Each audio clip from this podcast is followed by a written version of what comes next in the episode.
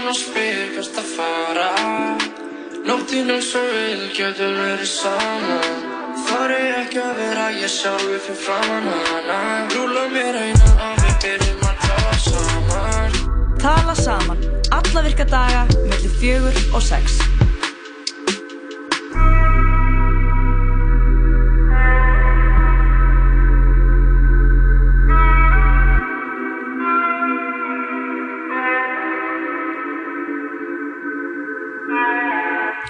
Já, það er tala saman sem hefst hér loksins er klukkan orðin fjögur og þú getur byrjað að hlusta á Jón Kristófur og Lófbjörg Björnstóttur Mhm. chilla saman í beinni útsendingu. Ég þarf að berni á þessum ískalda miðgudegi Nei, sko, hversu kallt er úti? Það er það kallt að ég var að hjóla á þann að sækja post Mhm. og ég grét. Eða þú veist að, nei, þú veist það bara lag og lag úr augunum mínum. Og því að af hverju er svona svo vindur nei, út af það var svo kallt Já, ok. augun mín voru bara, ég er að frjósa Já. þú veist, maður voru bara framlega úkslega mikið af vatni svo ég myndi ekki bara, þú veist, þau myndi ekki bara frjósa skilur Mhm. og verða tveimur ísklumpum Einmitt. Mega það sens, eða? Uh, Nei, þetta er ekki alveg veit, góð ég veit ekki eðlisfræði. alveg, ég er ekki líffræðingur Nei, það er rétt, sko Það er ekki lægi hvað það er kallt úti, sko Það er ekki lægi og það gerðist líka bara svona 1-2 og bingo Það var bara mjög, mjög bara milt haustveður. Milt haustveður.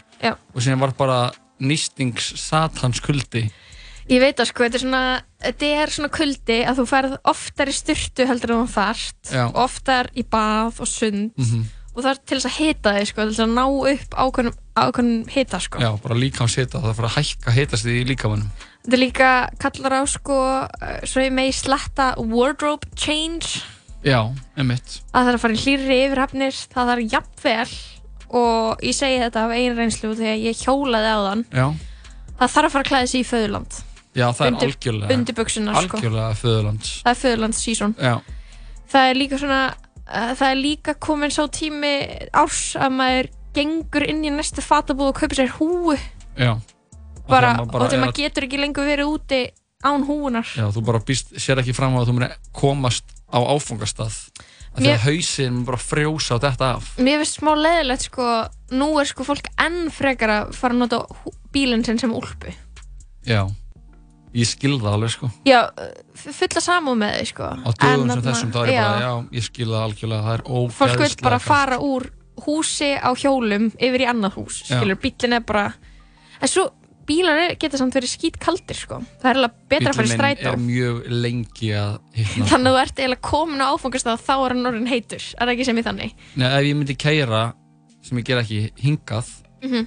í vinnuna á hverjum degi þá væri hann ekki orðin heitur því ég myndi mæta. Nei, ummitt, þannig að það, þú ætt gætir sem ég bara lappaði úti sko. nema ég myndi hafa hann bara í gangi á nóttunni. Láta hann hitna á Mm. nóttunni. Ummitt, en ég gerði eitt klikkað á hann ég fór og fekk mér íslatte maðurinn sem afgreiti Mm. mig um hennan íslatte í þessu veðri var bara, bara vá, þú er ert að? eitthvað ruggluð og ég var bara, já ég er psycho ég er psycho en uh, ok, þátturinn í dag Mhm. tölum aðeins um hann, Mhm. hvað er að fara að gerast í væg?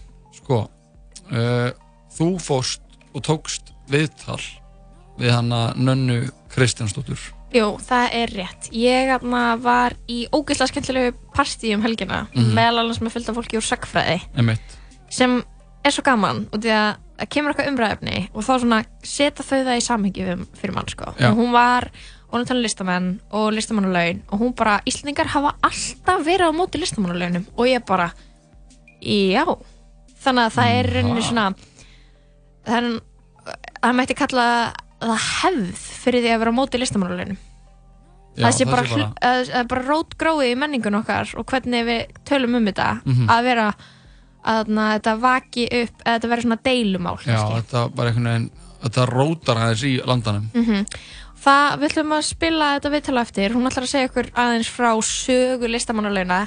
Hljóma kannski ekki spennandi en það er það. þið finnst það hljóma spennandi. Já, saga listamannalauna. Já, já, ég meina þú veist er, þjóðar. þetta er, þetta er það og þetta er þarna, þetta kveikir í kommentakerunum Mhm. hver einsta ári og það hvort hlýtur að vera gerir. ástæði fyrir því.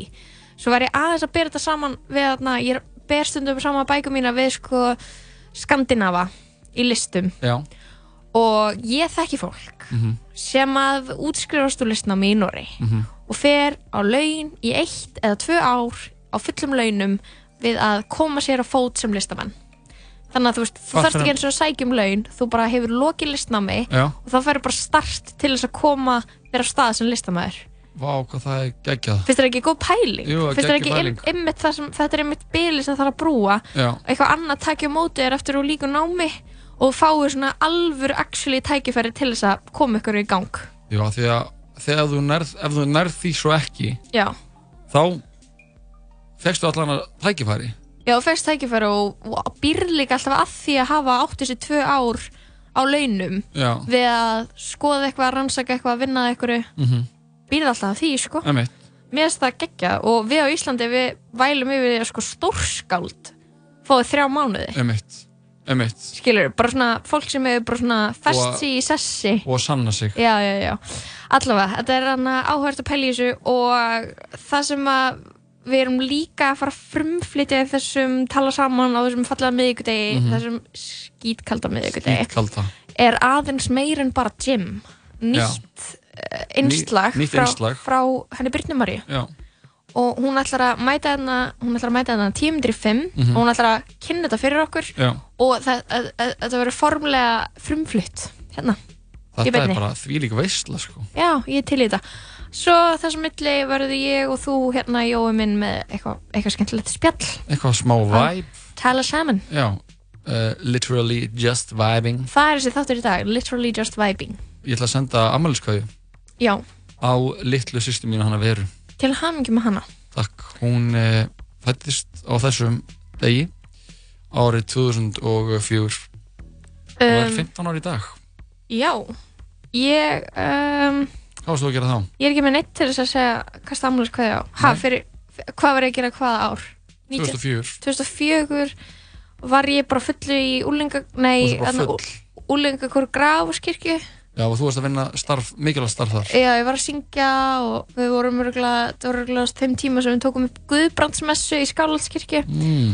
um, Já, svo átti ég kanínu sem að held ég týndist árið 2004 Ok, uh, Hún heit Nóðri, hún var grá og hún var eiginlega flestum til mikils ama. Já, rest in peace Já, Nóðri. hví- hvíli friði, Nóðri, Nema, hún, nema hann sé kannski hann náður einhver staðar úti. úti í öskulíf og sé að, Allavega vonandi afkomendur hans. Já, afgjömundur hans lifa ábygglega góðu lífi í öskulífinni Ég vona það. En hvað verður um kanínunar í þessu veðri? Herðu, það er hljóta að vera komnar á í ykkur hóli Já, hann er ekki kallt þar líka? Ég Leitar ekki hitin upp? Mm, Það Það er svona alltaf ekki, ég svona kallt í sjónum. ég held að sé ekki ógeðslega kallt í þessum hólum út af því að veist, Mm. það er engin vindur í hólunum En hitin leitar upp? Hvað heiti? Það er líka heiti í jörðinni. Hann leitar upp? Svona, jörðin er með líkamsheita Herðu, mm. í næstu viku þá ætlum við að fá til okkar kaninu sérfræðing Já, sem, er- sem veit hvað verður um kanínunar á veturnar og líka hita sérfræðing sem getur sagt okkur Við ætlum að fá til okkar mannesku sem er að pæla mikið í hita. Já, og uh, getur svarað okkur hvort að hitin leiti raunverulega upp eða ekki Já. Þetta er uh, Það er það sem stendur til og það er sem stendur mörgum. Já, við slumum uh, byrja að hlusta sem að tónlist Við erum í smá kósi stuð í dag, er það ekki lofa? Uh, jú, en ég get ekki lofað að ég verði í kósistuði í allan dag. Ok, Það veit enginn hvað kannski þetta var gerist. eitthvað dauða metalinu eftir þegar þú kemst í stuðið En fyrst eru það frendunir í Reis Shermurt á samt Travis Scott, lægið heitir Close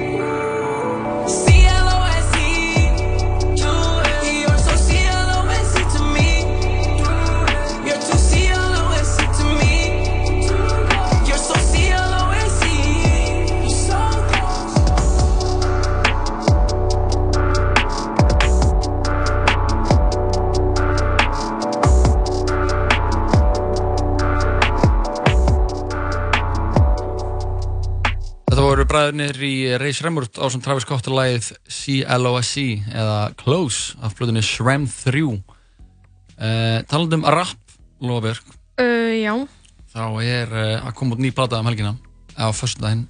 Ok. með uh, honum Kanye West. Platan Jesus is King. Einmitt, einmitt, einmitt, og það er líka bara frumsýna bíómyndina Jesus is King í leikstjórn Nick Knight út um allan heim í, í IMAX bíóum heimsins Hva, uh, hvað mynd segir þú? Jesus is King Þess að þetta bíómynd líka. já, Þetta er ekki bara, þetta er ekki bara tónlist. uh, Er þetta skilur, er þetta svona, er þetta eins og langt tónlistavídeó? mm, ég held að þetta sé eitthvað svona ekki, nei, ég held að þetta sé ekki beint þannig sko. ég held að þetta sé eitthvað svona cinematíst uh, jú ábyggla með alltaf mjög miklu tónlistar ívafi Ok. Er búið að heyrast eitthvað, veistu, er búið að leka eitthvað? mm, ég held ekki sko. ég held að þetta sé búið að vera allt frekar mikið on the low En við vitum að soundið er gospel sound. já, Er það það, jú, ég held að þetta sé allt komið upp frá út frá þessum uh, Sunday service Heldur þetta verið sama vibe og anna, það lögin tónlisti sem að gera með Chance og þannig? mm, já, meni, þetta er þannig bara gospel ég held að þetta sé verið bara heavy gospel Já, ok. en síðan er hann líka, heita ekki, hann er náttúrulega svo Má ófyrirsjónulegur. óferðsjálegur ég get alveg trú að það gerist bara að komi líka bara eitthvað allt annað sko. Mm, um mitt. um, uh, maður hefur nú heyrt ég held að það hafa ekkert beint lekið en ég held að það, það sé alveg búið að spila einhverja eitthvað að þessari nýju músík á Sunday Service Já, nefnilega. atrunum Hvernig er það með þær? Getur hver sem er mætt? ég held það nefnilega sko, eins og í Chicago þá sá maður bara að það var bara eitthvað stort að götu einhvers staðar og En myndi ekki, þú veist, Die Hard kannja aðdöndur mæta brókslega mikið? jú, En var þetta alltaf pakkað það? já, ég held það Ok. Áhugavert. já, ég er alltaf að gegja það spenntur Hvaða íslenski tónlistamæður heldur að myndi fatta upp á því að na, fara að gera guðstjónustur? íslenski Já. Um, Bubbi Ok. Er uh, Bubbi íslenski kanji eða? já, Er það? já Ok, áhugavert. hann speklar alltaf Mm og eins finnst mér kann ég alltaf spekla líka Skiptum, skiptum stundum um skoðanir. já, Veira sér ekki við það. Veir, veira sér ekki við það Einmitt. Það er alveg góða punktur. ég veit ekki alveg hver annar ætti að vera íslenski kann ég sko er það eitthvað sem, Mér þetta er nefnilega enginn í hug, sko. Nei. Það er svona að að spyrja þig. Ég er alveg einhvern veginn, fatt ekki alveg, sko.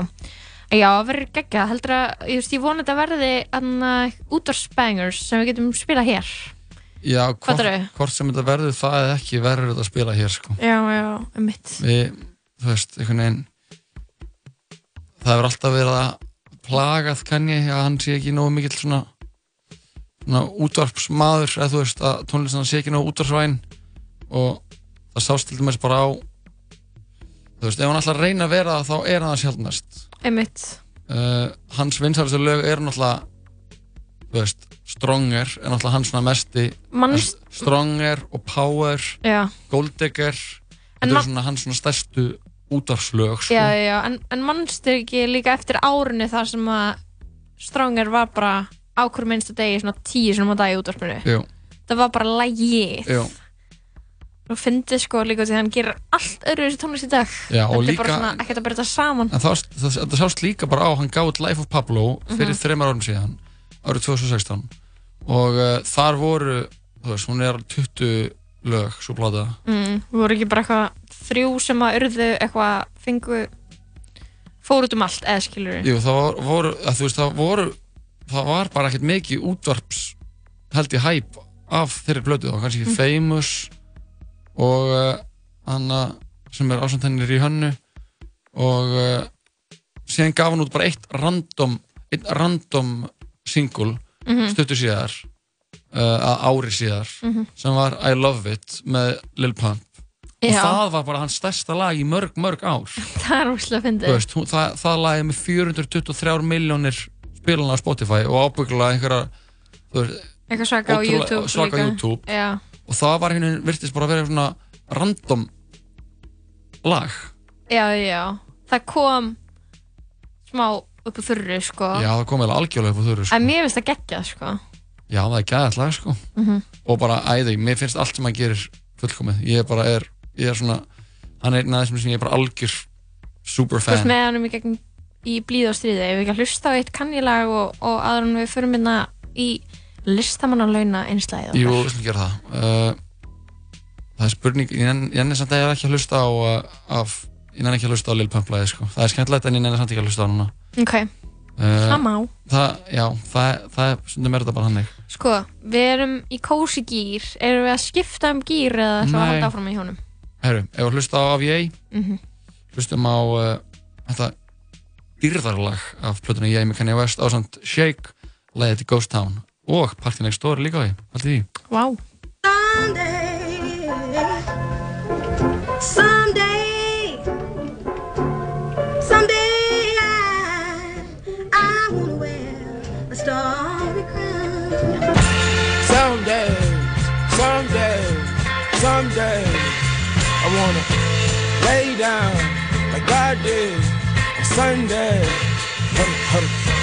Sunday, Sundays, I remember these on Sundays.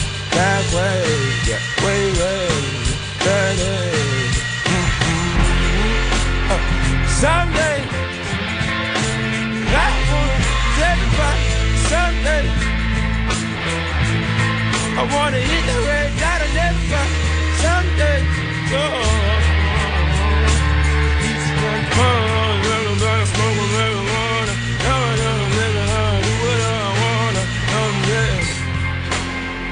been trying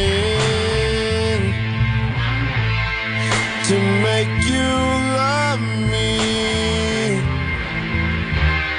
But everything I try just takes you further from me. Someday we gon' set it off. Someday we gon' get this off. Baby, don't you bet it all On the path of fentanyl, you might think they wrote you off. They gon' have to wrote me off. Someday the drama be gone and they'll burst. Mm-hmm. Sometimes I take all the shine, talk like I drank all the wine. Years ahead, but way behind. I'm on one, two, three, four, five. No half truths, just naked minds. Caught between space and time. This now is good in mind, but maybe someday. I've been trying to make you love me. But everything try just takes you further from me.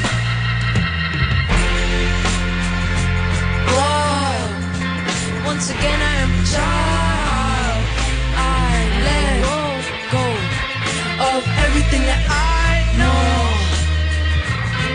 Yeah Of everything that I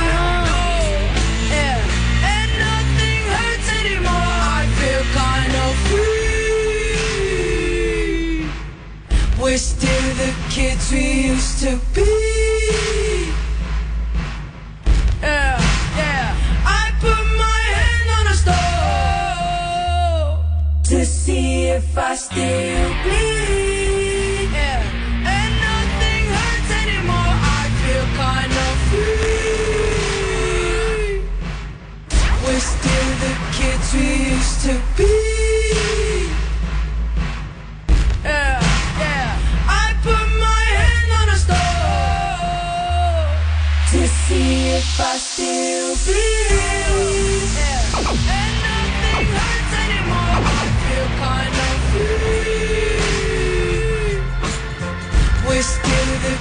We used to be.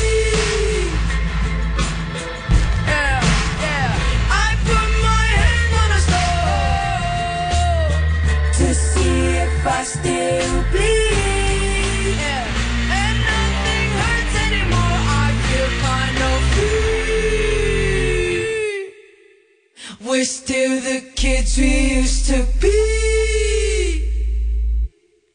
Yeah, yeah. I put my hand on a stove to see if I still bleed. Yeah, and nothing hurts anymore. I feel kind of free. Þetta var. Kanye West, Shake og Party Next Door með lagið uh, Ghost Town á flutunni Yay Ég vissi ekki að þú verður að fara að koma inn og ég var að syngja með. Vonandi Já. var það í lægi, veg, allra vegna. Það var vonandi lagi og ég held að vonum að ringi enginn inn og, og kvarti yfir þessu Bara, heyrðu, þetta er ekki lægi. Þetta er ekki lagi, það er ekki lagi að lóa sig að syngja með Kanye Það er cultural appropriation Já, erum við að tala um það? Að Ég er ekki að tala um það, ég er að tala um En bara það er það hlustuðu sem, gæti, þáttarins það sem gæti gerst. Já, Herru, þannig að það er komin að, komið að viðtalunum sem ég tók áðan. Já. Ég heit hana Nannu Kristjáns á, á kaffehúsi. Ótrúlega fyndi, við erum að fara að tala um listamannulegin og ég rekst síðan á rithöndin Jónas Reyni eftir, uh, eftir viðtalið, hann var að hlusta já, bara satt á næsta borði og eitthvað og ég ekki svona, já hvað skoðun hefur þú á listamannulegin og hann alltaf er mjög hrifin af þeim sko. en minnist, myndist síðan líka á sko, að þú veist, hvað hann er heppin hann getur, getur þeir þú veist uh, já, getur einhvern veginn lifað af þeim út í hann er, þú veist, ballaus og ekki fjölskyldu. Já, já, og þarna, þa- þannig að hann getur bara svona einbett sér að listinni. Já. og það er eitthvað allir sem þetta myndi ekkert vera nógu mikil peningur kannski fyrir alla, skilur, eftir, fyrir, svo- eftir útgjöldum, sko.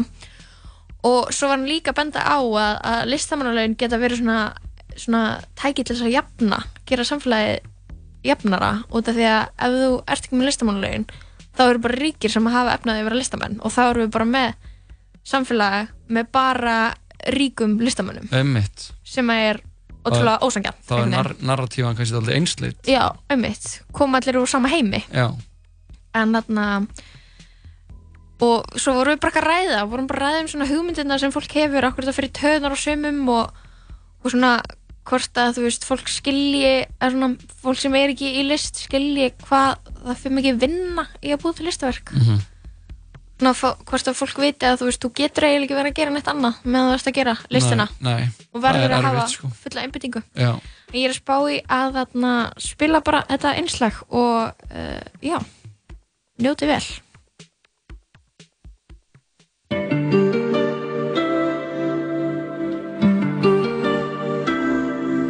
Summertime and the living's easy. Rallies on the microphone with Ross MG. All the people in the dance will agree. Við erum hérna stödd á kaffihúsi sem að hafa í gegnum tíðina verið aðsetur listamanna og hérna koma listamenn til að skrifa og hanga og já, kaffihús hafa kannski bara fyllt listamannunum síðan að kaffihús voru fundinu upp. Ég siti hérna með Nannu Kristjánsdóttir sem er uh, með B.A. Gráðsakfræði og ég er að fara að spyrja hana út í listamanna laun sem eru með því umdeldara í íslenskri pólitík. Hvað, uh, hvena voru listamannalaun fundin upp nanna? Um, á Íslandi þá já, hófst svona ferli þeirra í lok 20, nei, loki 19. aldar ekki? Um, en svona í Evrópu þá var það svona yfir höfuð á 19. öld þegar samfélagi er að breytast úr bændasamfélagi yfir í, í flóknara svona borgarsamfélag og hérna uh, samfélagið er að verða að vera flóknara og, hérna, og það kom upp fleiri félagslega vandamál þannig að það hérna, uh, kom stefna sem að voru svona borgarlegir umbó, umbótarsinnar sem að um, töldu að listin geti verið mikilvægt tól til þess að um, já, mikilvæg félagslegu hl- hlutverki og, og verið þá einhvers konar félagslega taumhald og hérna uh, bætt siðferðstróska vannsins um, haft samfélagi upp á herra plan bara í heilsinni og já, bæði, bæði siðferðslega og menningarlega.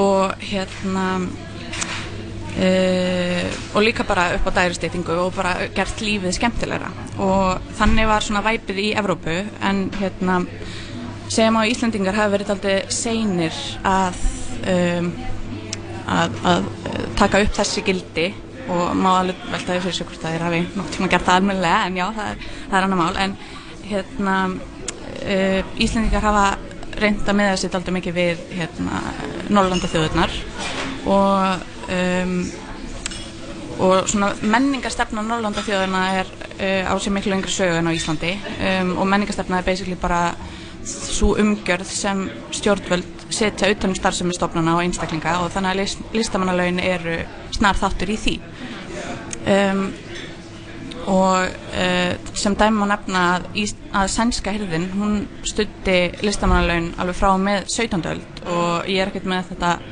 listamannalaunakerfi í, í hérna, Skandinavíu og Norrlöndunum alveg 100% á hreinu en um, það er af því sem ég hef lesið þá verðist þetta listamannalauna dæmi vera ekki nanda næri af stort issue þar og hérna á Íslandi. Að hérna uh, þess beinu styrkirnir til listamanna hafa verið réttlættir bara með tilvísun til bara intrinsic value listamanna bara skildist þeirra og að hérna og af- afstæðan verðist yfirleitt vera svo að uh, þessar launagreiðslur séu bara einfallega til þess að venda listamennina fyrir lögmál markaðins út af því að hinn frjálsi markaður kannski býður ekkert upp á mjög mikið af listrætni grósku allavega, svona, það er allavega mín skoðun. En hérna uh, Íslendingar já, voru fyrst að byrja að spá í þessum styrkjum svona í lok 19. aldar en hérna það var já, um það bil sem alþingi fekk fjárveitingavald og uh, fyrir þann tíma eru nánast engin dæmi um að hérna, Íslandingur hafi fengið fjárveitingu en hérna, þá má, má þess geta að Jóna Bæisá fekk um, svona skáldastyrk hann var skáld og þýðandi Veitu, var þess að eitthvað fyrst sem hétt skáldastyrkur sem var ekki kallað listamannalaun? Já, þess að það er listamannalaun er bara nútíma hugtak yfir það sem hefur verið kallað ímislegt í gegnum og þá erum við bara að tala um bara laun sem ríkið gefur, eða peningur sem ríkið veitir til þess að styrkja styrkja skáld og hérna, já, Jóna Bæisá sem var skáld og þýðandi fekk um, árlegan styrk frá konungi en hann dó 1819 en þessu utan þá hérna, va- var ekkert að- frétta í þessum málum á Íslandi fyrir en uh, 1879 þá áttu Mattias Jokkumsson og Benedikt Gröndal og Stengrimur Torstensson uh, sem voru þess, þessi helstu skáld á þeim tíma að fá það sem þá var kallað skáldastyrkur. En e, það var hættið það því að þingmenn voru svo hrættir um að þetta myndi vinda upp á sig að þau myndi gefa þeim þá væri endalust af, af öðrum sem að myndu vilja fá styrk líka og þetta er bara of stór biti. Þannig að það var hætt við alla hérna, öll áform um það. Um, og svo var, var það þá ekki fyrir en 1819 sem að þessar tillögur um styrkveitingar voru loksins samþygtar og þá voru það Mattias Jokkumsson og Torfhildur Holm sem að fengu skaldastyrk um, og það voru allir sammála um að Mattias Jokkumsson átti þetta skilið, hann var bara óskabatt þjóðarinnar, óska skáld þjóðarinnar. Og, en það var ekki allir sam, það var mjög umdelt að Torfhildur hefði fengið hérna, skáldastyrkin um, hafa- þeir hafa talað um sem þennan hvennmann þarna og efast um fegurðu gildi verkenar og eitthvað svona. En, en hérna um, en samt fekk hún styrkin um, og ennþá voru menn mjög stressaður með að hérna, veita þennan styrk upp á að myndi sagt, fara úr böndunum innan gesalappa, það væri bara endalist af fólki sem myndi hérna, fi- finnast að eiga rétt á þessu. En hérna, hins vegar var ekki eftir snúið. Og eftir þetta þá hérna, voru fleiri og fleiri fordæmi um það að, að, að menn, hef, menn og konur fengju styrk bæði til náms og starfa í hérna, listgreinum. Og Ok, maður það spyrja einu. Þannig að deilu, deilan þá var svona eitthvað, já, ef að, ef að ég gef þessum þá munu allir vilja. Mér finnst þess að deilan sé meira núna bara, já, að list, listamannenni sem fá styrk séu eins og okkur svona bóta þegar. Mér finnst þess að sé hans öðruvísi. Já, algjörlega og það einmitt, það er, hefur náttúrulega umræðan um þetta hefur breyst þáldi mikið en þarna var aðal á, á, áhyggju málið um, hvort að, að þetta myndi fara úr böndunum út af því að já, það var, það var ekkert fordómi fyrir þessu á Íslandi þannig að það var um, já, en, en svo, svo var alveg líka einhverjar efasandarattir eins og til dæmis uh, Grímur Thomsen sem var skáld sjálfur og alþingismæður hún fannst alveg fráleitt að, að hérna að það væri verið að, að alþingi væri að skipta sér þessum málum og það væri alls ekki, hann þótti að alls ekki hlutverk hérna, þingsins að eins og hann orðið að útbýta gjöfum til hinna og þessara og hérna, já, fannst þetta algjör, algjör drugg sko. Það hljómar rosalega mikið eins og, þú veist, mm, kommentin um uh, listamannulegin í dag. Já, algjörlega, eins og þetta séu bara eitthvað svona gjafir, eitthvað svona eitthvað að þessu svo mikið dúlla leifum honum að leika sig með þennan 300 skall eitthvað svona, en hérna en já, þa þannig að þetta var svona fyrsta dæmið um hérna um, listamannalaun í rauninni á Íslandi. Og það er mjög áhugavert að skoða sko rökin sem að voru fyrir styrkveitingun það, það var sko fyrst og fremst þessi fegurðar tilfinning að það er auka fegurðar tilfinningu þjóðurinnar og svona um, já, bara bæta, bæta líf fólks og smekk og ekki síst síðferðskend þetta átt að vera svona halda utanum síðferðskend þjóðurinnar og, og sem dæmum það þá hérna, mynduðust frekar haldramar deilur um styrkveitingu til Þorsteins Erlingssonar sem átt að veita skaldastyrk árið 1895 um, og einfallega út af því að mennum þótti efni skaldskapar hans bara ekki við hæfi, andlega og síðferðslega spillandi eins og var talað um á þingi. En hann gaf út hérna ljóðasamnið til dæmis Þyrnar sem var mjög hvers ádela bara á og þetta bara þótti ekki við hæfi. Þetta, menn sögðu bara já þetta er ekki ástæðan fyrir að við erum að veita þessa styrki. Þannig að það var svona já, verið að skipta sér að innihaldi listarna sem að var að skapa líka. Sem að var að skapa, já. En hefur þetta verið pólitíst, hafa, hafa pólitíski listamenn bæ, eða þú veist, fengið eitthvað svona meiri mótstöðu heldur en aðrir? Sko, þetta var, er náttúrulega í grunninn mjög pólitíst og vegamestu rökin fyrir því að hérna að ætti að veita fólki listamannalögin eða skaldastek var að hérna beita skaldum sem tóli til þess að gera Ísland þjóð meðal þjóða og þá átti þetta að vera hlutverk í sjálfstæðisbáratu Íslandinga sem að þeir stóðu í á þessum tíma neilundilog uh, 19. aldar og það voru mjög margir sem sáu hag Íslands í því að koma upp blómlugu menningarlífi til þess að undistrykka sjálfstæði Íslands og um, já, sérstaklega bara til þess að við stæðum jafnfætis öðrum þjóðum sem við vildum bera okkur við menningarlega. Þá þurftum við að vera með einhverja menningu að, og hérna, aðeila sem syndu henni. Og sem menningar, sem menningar þjóð og mentið þjóð það væri skilta okkar að, að, styðja við listamenn. Og líka var eitt pótl að Íslandingar ættu að nei, íslenskir listamenn fyrir ekki ættu að vera landinu til sóma á erlendi grundu. Og, og þetta er svona kannski svona ennþann dag í dag þau rauk sem eru svona, svona frá fjárhagslegu, svona efnahagslegu sjónum með notuð með listamannalönum að í, íslenskir listamenn hafa auglist landið.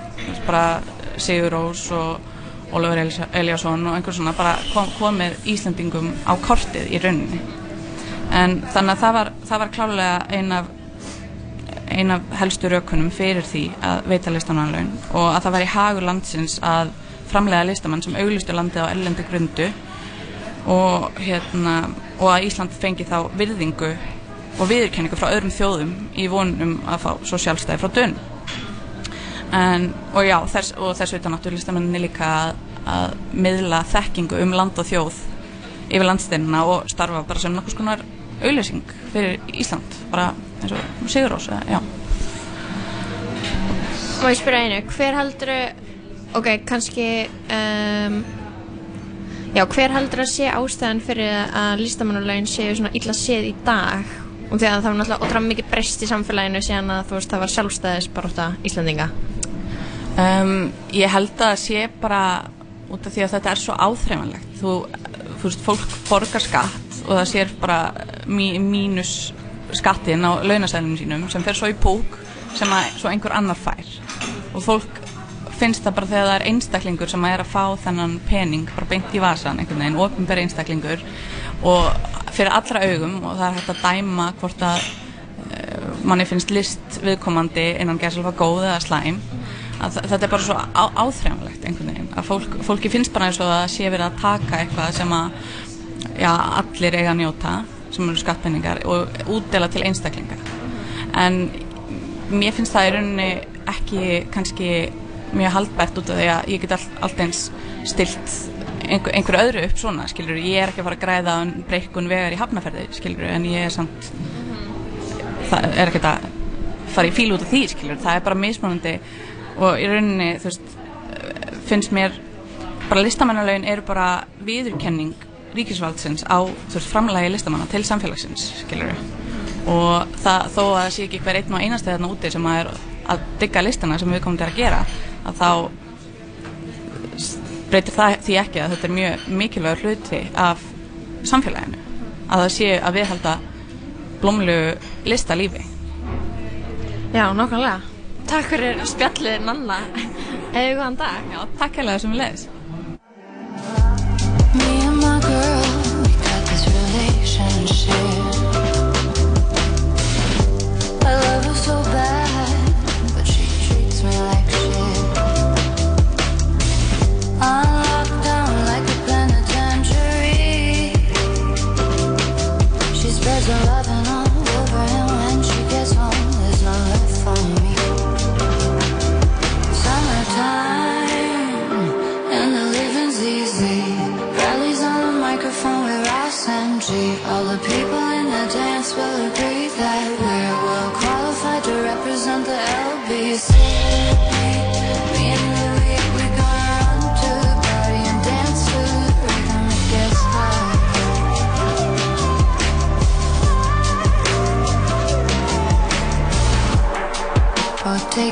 from off my eyes.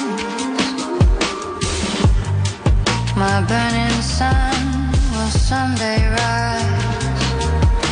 So what am I gonna be doing for a while? Said I'm gonna play with myself. Show them how we come off the shelf. Summertime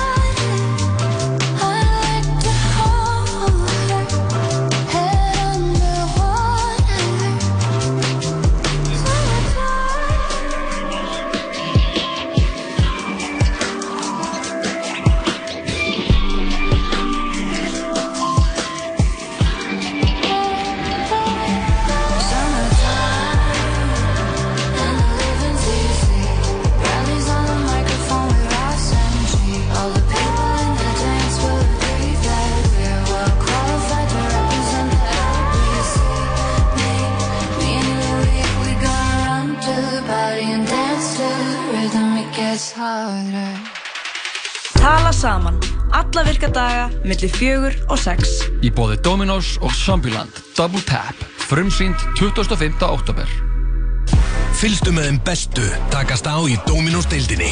Við stöndum vaktina í allan vetur. Vertu með Dominós. Hamburgerabúla Tómasar, sam og seinast. Hamburgerabúla Tómasar. Hafðu það holdt og gott. Nings og kroppurinn blómstrar. Þú ert að hlusta á útvarp 101. Já, þetta er sítið þetta við tala saman hér á útvarp 101 það er klukkuna vantar 17 myndur í 5 Já, fannst þetta ekki fróðlegt sem hún annar var að segja? Jú, við, við sem þjóð hötum listamenn og listafólk Án jokes. Hver er þín skoðun á listamann á launum? uh, ég, ég myndi þykja þau alla daga ársins þangað til ég uh, bara hætti að vera til Já, ég er að segja sko, ef við byggjum í einhverju öðru landi, Jói, Mhm. byggjum á einhverju, í einhverju öðru Norðurlandi, ef við hefum ekki fæðist alveg svona nor norðarlega, Mhm. þá værum við sennilega á listamannalaunum. Já, sko, ég var að gera umsókn til listamannulegna um daginn Já, ég hef líka gert það, það Og- er, það er fylgjað í vítiskvalir, Já, ég fekk gubbapest eftir það ég veit það. það er svo, og maður bara svona þarf að vera bara þarf að vera svo, svo nákvæmur í að útlista allt sem, ætlar, að- sem maður ætlar að gera Já, maður er að reyna að útskýra einhverja hugmynd sem er ekki, veist, orðin að veruleika. Nei, sem er ekki formuð. Þú veist að, þú veist að fylla inn í svo margar eyður, það er stór galli á þessu umsóknarkerfi og... þess að segja fólk líka sko að þú þurfa að, að umsóknin sé eitt og Já. verkið sé svo annað Já, klálega. Ég held líka sko að það er ákveðin svona fælingamáttur, það hafði svona til dæmis fælingamátt á mig, mm. Hversu erfitt það er að gera svo umsókn, ég var til þess að ég sótti ekki eftir um í ár. Já, og, og afskrifa þetta svolítið, sko. Og ég held að eh, vinnustundunar sem fari í einu svona umsókn, ég held að þetta sé örgulega vika af fullri vinnu. Já, þannig að fyrir svo marga. 25% starfi við að sækja um listamannulegin og eða, eða meira sko, ég veit ekki. Þannig að mér það alveg klikkað.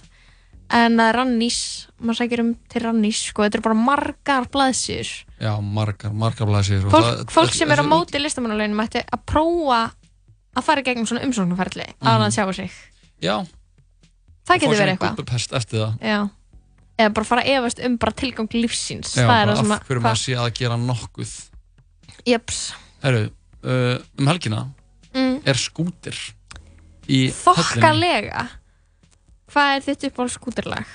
Nei, Eh, uppáhald skúter minning skútir minning Svo Ég er að uppáhalds, djóka. uppáhalds þannig að skútirlæði mitt heitir How much is the fish Ok, og það, hei, það er alveg uppáhaldslæði mitt bara þegar það heitir How much is the fish ég man bara eftir hann að frægasta bu, bu, bu, bu, ru, ru, bu, bu. Það og síðan alltaf líka hana When I was young it seems like, seems like life was so er lag með honum. Já. Akkur finnst mér eins og skúter sér frá Þískalandi uh, Ég veit ekki, kannski að hann er frá Þýskalandi. Er hann frá Þískalandi? Ég veit það ekki, Um, vona það. skúter er frá Hamburg í Þískalandi Já, hann er frá Þýskalandi. Hann er líka fucking þýskur í útlandi Já, hann er alveg ramþýskur Þú ert einmitt að hugsa um að að, að, að að skella þér á þessa skúter tónleika Ég ætla að mæta. Bara ekki spurning. Og mér finnst eða fárlegt að þú sett ekki að Mér langar að hlusta að Maria I like it loud. Við, við lugum svo mikið að, að hlustundum á hann þegar sögumst fyrir cozy gear þegar ég ætla að detta núna í skútergýr já, já, ég held að það sé bara komið að því að við hlustum á Maria I like it loud með skúter Pældi í þessari Skrúfum aðeins- fagurfræði. Skrúum aðeins upp í cozy gýrnum Við líka að spila þarna uh, Unplugged útgáfuna. Nei, guðan á bænum. Vinsanlegast ekki gera það. Herru, við ætlum að teka á þessu og síðan komum við til smá og þá ætla Birna Maria að kynna nýjasta lið tala saman aðeins meira en bara gym. I like. I like, en fyrst er það okkar besti hambúrgari skúter sem er í höllinni um helgina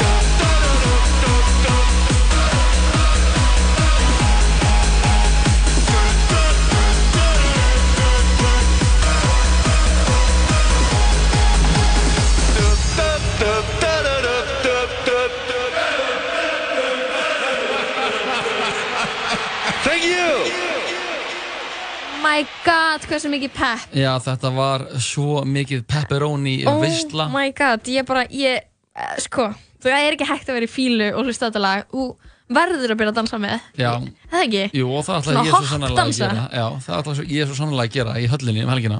Þetta er sérst í höllinni. Já, gömlu Þetta höllinni. er svo mikið 2003 vibe yfir þessu öllu Já. Eða 2002 vibe, æ, ég veit ekki hvernig maður fræðir, sorry. Bara gott væp Já, lifa í fortíðinni. Mm -hmm. Eða skilur, heldur að þetta verði, veist, heldur að þetta verði þétt, skilur uh, Held ég að þetta verið þétt. Æ, skilur mig, þú veist, eða verður þetta svona eins og þú veist, þegar að Bob Dylan kemur og hann spilar öll lögin vittlust uh, Nei, ég held að þetta verið Ég held að þetta verið alveg frekar þétt. Hann er bara, herru, ég ætla að taka Like It Loud og ég ætla að taka Unplugged, tekur upp gítarinn. Mariana, It þetta Loud. Ég held að þetta verið alveg frekar þétt sko. Bara allir að syngja með Og síðan tekur hann How much is the fish Sem er hvernig, getur Eh, uh, tekið það stef Nei, þú veist, ég man ekki hvernig stefi er en það gefa bara svona, hann segir eitthvað And by the way, how much is the fish? Og það kemur eitthvað bam, bam, bam eitthvað svona Mér finnst það bara Skrítið. áslag fyndið Tekur oft skútir þegar þú ert að DJ uh, Ég negli í Maria Leggett lát og síðan negli ég líka í uh, hann uh, Hvað heitir hitt lagi? Já, the, já, the Logical Song já. The Logical Song. The Logical Song, ok. Þetta var svona dót, ba gerist bara í Þýskalandi. Bara í og við eh, megum þakka fyrir það að Þýskaland sé til. Já. og þann hafa margi góði hluti komið. Já, eins og skúter, skúter, uh, súrkál. Súrká, sárkrát Já, um, Bara- bjór, bjór, pulsur, pulsur, ramstæn ramstæn, uh, göte, mm, rapparinn Young Hearn uh, já, en til okkar er komin manneska sem er ekki frá Þýskalandi, hún er frá Íslandi, það er hún Birna Maria Já. og hún er búin að vera með okkur hérna í tala saman og hún er að kynna nýtt innslag sem heitir aðeins meira bara Jim, verðstu hjartanlega velkomin Bibba, hvað segir gott í dag? Uh, ég segi bara allt gegga. Er það rétt? Hei, það sem ég heyrði að þú hefur aldrei komið til útlanda Já, Er það það sem allir er að tala um? En þetta er alltaf sem ég hef heyrt. Skrítið? Skrítið. Ég hef komið til útlanda. Ok, ok. Þannig svona það sé á hreinu. Ok, og það- það- það- það er líka bara frábær vettvangur til fyrir mig, skilur, til að leifa því svona koma framfæri, skilur, koma framfæri bara ég hafi farið útlanda. Já. Hvað Nei, getur, en hvað getur sagt okkur um aðeins meira bara gym, Peppa? aðeins mér bara gym, já, þetta er svona fastu miðugdagsliður sem að verður einna í tala saman og, og mun svo standa sem sjálfstætt pod- podcast eða hlaðvarp inn á öllum helstu veitum en til að kannski svona aðeins segja frá því hvað verður fjalla um í þessu podcasti þá er þetta allt íþróttatengt Mhm. og ég er svolítið bara ofn fyrir öllu Þú veist, ég er náttúrulega ekki þannig að ég er búinn alls ekki næstu bara valla byrjuð Þú ert rétt að fara af stað. Já, ég er að rétt að fara af stað Rétt að byrja. rétt að byrja uh, og það er eitt þáttur núna framöndan Mhm. sem er fyrsti þáttur, svona frumraun skilur Já. Mhm. og líka Lóa, þú náttúrulega hefur sjálf verið með podcast kannast ekki við það, stundum er maður búin að sitja og spjalla og maður bara fokk, það er einhver sem er bara að hlusta á þetta skilur Jú, svo kemst Mhm. maður yfir það. Já, en þú veist, ekki svona eitthvað fokk, ég skeit á mig eitthvað, hvað var ég að segja, þetta er meira svona eitthvað, hver mun enn að hlusta en sjálf þá bara fíla ég svo mikið að vera bara partur af samtölum oft, bara í, í, þegar ég hlusta Já, sjálf já, podcast, einmitt, en, en hann að uh, að því að mann finnst maður líka þurfa að segja alltaf eitthvað gett fróðlegt Já, það er Það er ekki raunin, sko. alls ekki, sko, maður þarf bara kasta upp ykkur um pælingum og í þessum fyrsta þætti þá erum við að tala um Open sem er í gangi núna í CrossFit sem að um, CrossFit samfélagið er svolítið svona saman í að gera Mhm. það eru eiginlega allir sem eru að æfa CrossFit og Mhm. líka bara þeir sem kannski hafa verið að æfa- hafa verið að æfa og eru með aðstöðu til að taka þátt, þeir eru að taka þátt Mhm. þá ættu að skilin skori hver einstu viku eða jafnvel bara taka hreyfingarnar Mhm. skiptir ekki máli hvort þú skilir þið inn eða ekki og getur líka bara verið með og droppar alltaf ný æfing og færð svona fjóra daga glugga til að taka hana ég og við erum svona aðeins að fara yfir þetta Benz og Dóri sérst eru crossfitarar Mhm.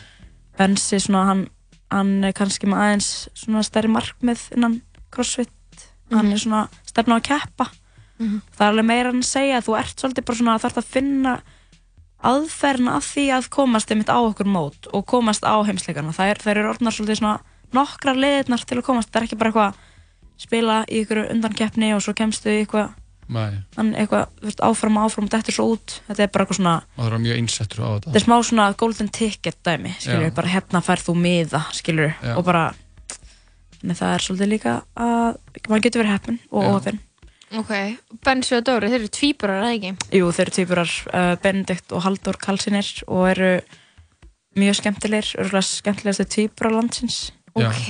Ég myndi skrifa það. Risa fullering. Já, þeir eru mjög skemmtilegir. Ég trúi alveg, sko. Ég þekki Ég þekki það ekki sundur, sko. Nei, þeir eru mjög líkir sko en, en samtíma frekar ólíkir og þeir einmitt hefja leikinn í sem þætti með smá smá söng um, sem ég ákvað bara að hafa inni gott að ekkert út af því þetta er bara svona svolítið mikið þeir Mhm. en já, ég veit ekki ég hef ekkert mikið við þetta að bæta meira bara að ég var sjúklega til að fá bara hugmyndir líka frá öðrum þú veist, ég, ég vil ekkert bara tala um crossfit.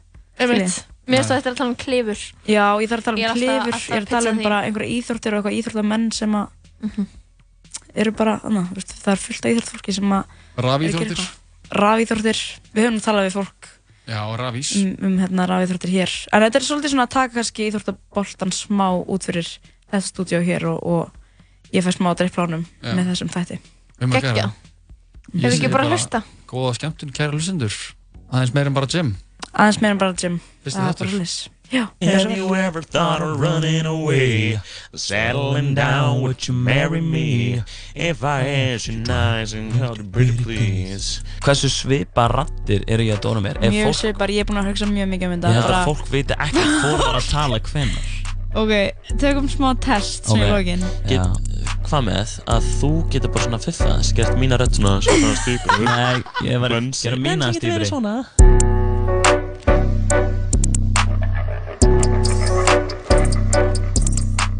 So you know this podcast is in English? Yes, that's awesome Love English Herri, ynga vittlisum. Fyrsti þátturinn og fyrstu gestinir, já, eru komin í hús. Fyrstu gestir þáttarins eru tveir mjög líkir gaurar en Alveg samt svo ólíkir hver á sinn hátt. Bensi, Benedikt, velkomin. Takk, takk fyrir það Bensi, þú hefur crossfit að kappi og starfa sem þjálfari cross, í CrossFit Granda og vart að læra viðskiptafræði HÍ og þú ert svona að stefna á kannski að keppa eitthvað tíma crossfit. Já, stefna á að keppa akkurat hérna og það bara gerist hægt og rólega maður Mhm. verður betri og betri og Engin pressa. Engin pressa, þetta er fæði smá pressu frá gæðanum við hlýðin á mig Gæðin við liðina þér, það er Halldór. Það er svo lett, setja Dóri. pressa á. Þú æfir einnig að kappi og ert að þjálfa upp í mjölni, þú ert líka að þjálfa upp í CrossFit Granda, ekki? Já, jú, eitthvað smá, eitthvað voða lítið saman. Og þú ert að læra fatahönnun í LHI Mhm. og þú ert kannski ekki einmitt að taka svo alveg alvarlega á bróðin. Nei, ekki alveg sko er góður. aðeins að sinna náminu Meir, meir en aðri En sko, fyrir þá sem ekki vita, þá eru þið tvíburar. Þið eru bræður, þið eru tvíburar bræður og þið eru Mhm. algjörir meistarar, bræðskemmtlegir, Já, passar. gaman með ykkur. Passar Um, og þið eru svolítið vel að ykkur í öllu því sem tengist CrossFit. Þið eru smá svona CrossFit nerds, myndi ég segja. Já, við það er vorum svolítið lengi sko Fylgjast með þessu lengi og hérna þó við afðum hérna í mjölunni frekar lengi þá vorum við alltaf að taka svona aukaæfingar sem vorum að gera þessar crossfit-reyfingar og vorum að fylgjast með þessu alltaf að Mhm. horfa á Alltaf að keppi, crossfit-leikana alltaf að keppi þrekmótröðinni Byrjuðum eitthvað Byrjum það. 2012, 2013 Við bara byrjum þegar sko Sara, ég man bara eftir að vera hana sem eitthvað gutti og Sara Simsdóttir var hana og líka að keppa með okkur bara í. Einmitt. Good times Wow. Way back, sko. Way back. Já, svo, En ok, við erum hérna hinga komin, saman komin til að tala um CrossFit. Yes. Það er ekki leiðilegt, en mér finnst það alls ekki leiðilegt. Ég gæti talað endalaust um Það þetta, held ég. of mikið. spurning hversu margir nennan hlusta á það.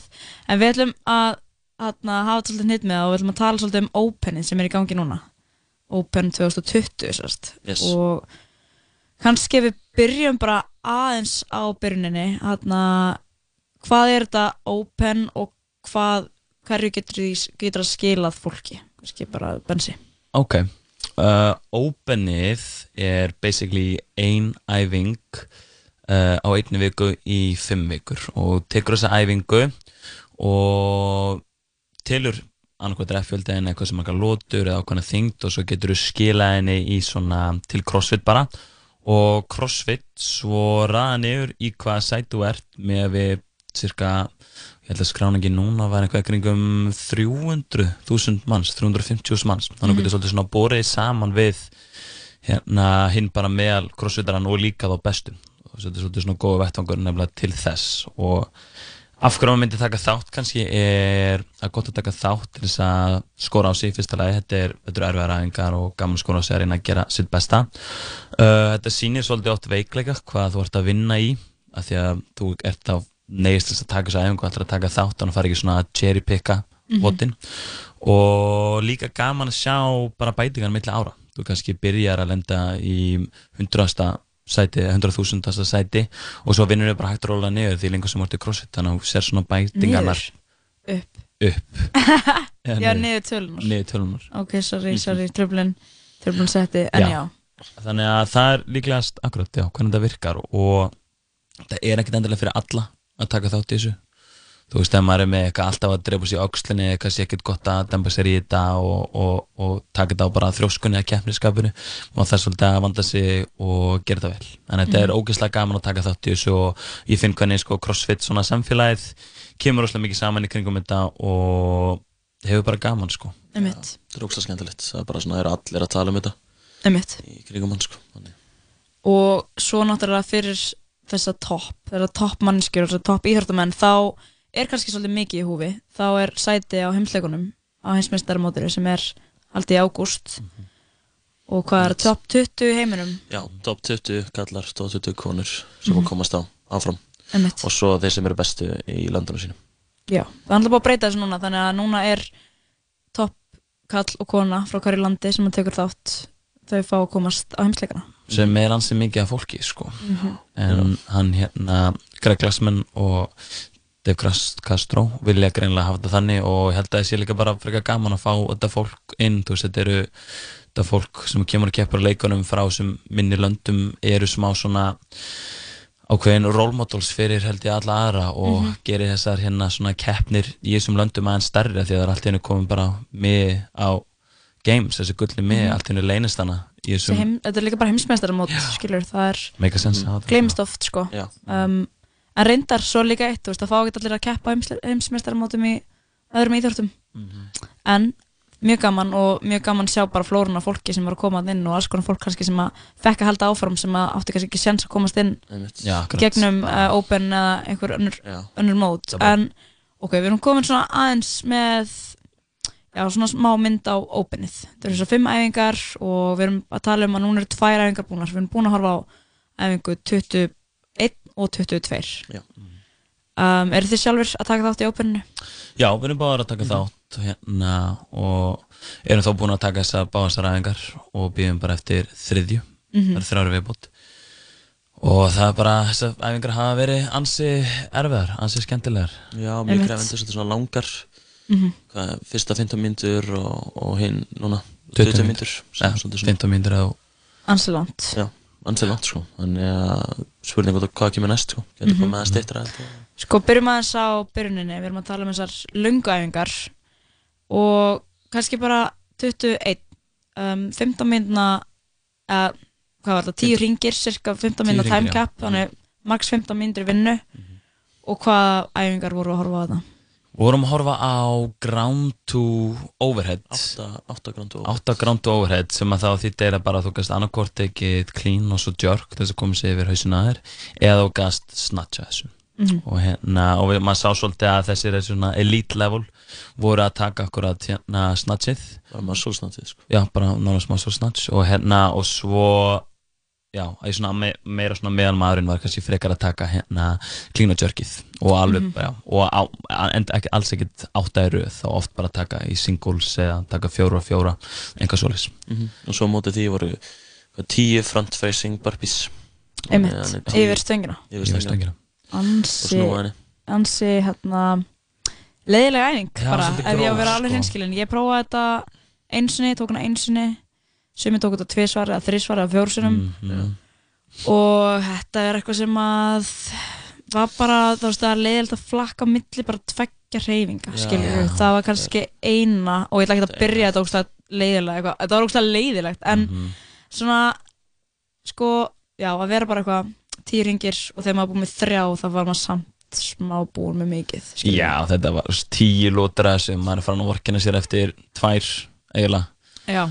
Og eins og flestir held ég allan að ég og, og margir aðri, þú veist, maður tekur fyrsta, fyrstu lótuna allt og hratt sem Mhm. því er að púlsinn er komin inn alveg allt og hátt upp og restin er bara ógið maður er bara einhvern veginn að reyna að hanga hana í þessum æfingum og hæja á sér í burpees og stöngin orðin miklu þingri en á að vera þannig Mhm. hérna þetta var rosalega vond Já. við skulum ekki vera að skafa því bara sérstaklega burpeesinn þetta einhvern veginn byrja allt svo vel og svo hratt í Mhm. rugglið og hann hérna ég held eins og margir og þegar ég var hrút út að granda að segja fólk að gera þetta, þetta að það þurfti svolítið mikið að hæja á sér í byrjun það fólki Mhm. líður svo vel, smá adrenalin í gangi það fer að hoppa og fer að snatcha alveg á fullu og svo hérna, svo allt henni bara krassara, það er að taka langa pásur og munurinn á fyrstum fyririnni taka hana kannski á undir mínútu og svo er lóta númer 6, 7 og 8 bara allar þrjár mínútur eitthvað og ná ekki að klára Einmitt. Hvernig hérna, Svolítið fyndið sko því að Benz er búin að vera að æfa hans meira en ég sko en, en mér gekk betur fyrstu fyrstu umfyrir þannig ég var aðeins betur tíma en hann sko en, Ok, ok. en síðan sko það var sérst að hann tók þetta á Nei, við getum útskýrt það. ég er svona, við erum útskýrt, rólega, rólega. Á föstudaginn þá hérna tókst þú þetta, þú ég krasjaði og krasjaðir Ég byrjaði alltaf rætt, byrjaði bara á sama, sama peysi og bestu í heiminum og hérna fyrstu tvær, þrjár eitthvað og svo var ég bara alveg búinn. Ég bara láði hana, þetta var, þetta var örgulega bara topp þrjú erfast aðeins sem ég gert og ég kláraði bara rétt svo. En ég held áfram, ég hef bara það bara að hætta hana og hérna hérna ég bara herri Dóra og bara herru þetta er það sem þú ert ekki að fara að gera. Já. og þetta er okkur gott plan fyrir okkur. Því að mjög fyndið sem tvíburar líka þú veist þegar ég tala við fólk bara maður segir svona þú veist þegar við erum að gera einhver æfingu eða eitthvað plan þau segja já við erum með plan. Þó að Dóri sé eitthvað staðnum ég er bara að tala um einhvern annan þá bara já við erum með plan hérna að gera þetta eitthvað svona eða tekur hann alltaf með inn í þetta sko. Hann að ég hringdi bara strax í hann og sagði þetta á eftir að henda okkur mjög vel að gera þetta hér. Og hann gerði það og náði bara Allt- tíma. allt í lagi tíma sko. Um, sem var aðeins en þinn sem kom mér aðeins óvart sko Að leiði bara vel, tók þetta sunnudaginn og svo heitist við á mánudaginn og þá tek ég aftur líka. Aftur og, og þá, já Þá reynda tek ég hann í bakarið Já, þá- Er það framan málið? alla. Hann tók með S, hann. Nei, Ok. en hérna En já, þá, já, maður það bara að skynnsamur Þetta, þú veist, mér líka svo báðar æfingarnar Mhm. eru búin að vera svolítið mikið svona pacing maður þarf að vera slagur, maður þarf að finna bara sitt tempo alveg frá byrjun Já. og þetta er svona what sem meikar ekki sens að kæra alveg ógæslega rætt á þetta nema þú náttúrulega getur það. Þú er bara Nákvæmlega. hérna, easy Þannig að vera að tala um að eftir þessa fyrstu æfingu þá er staðan 1-0 fyrir Bensaða. Já Það er þannig að það tvær búnar Já, ég veit að en eftir er 1-0, æfingu já. þá er, já, þá er já, 1-0 fyrir Bensa. Er Ok, 1-0 ok, við, við uh, förum betur í æfingu nummer 2 hérna, eftir öskamastund. En fyrst langum, við að spila eitt lag sem að, já, kom frá ykkur strákar. Um, já, lagið heitir Should Have Been a Cowboy og er eitthvað sem að þið viljið við það bæta. Uh, þetta er frábært lag, það er gott að lifa sér svolítið inn í þetta, loka augunum og bara svolítið ímynda sér hvort maður sé bara í bandaríkjunum, einhverjum söguríkjunum með góðan kúrikahatt Já, pikka bíl. ískaldan Bud Light Ok. og maður er bara að njóta Maður er bara að njóta og, og ímynd sér að maður hefði kannski bara átt að já, verða kúriki. En já, við hlustum á þetta lag og komum svo aftur eftir öskamastund. I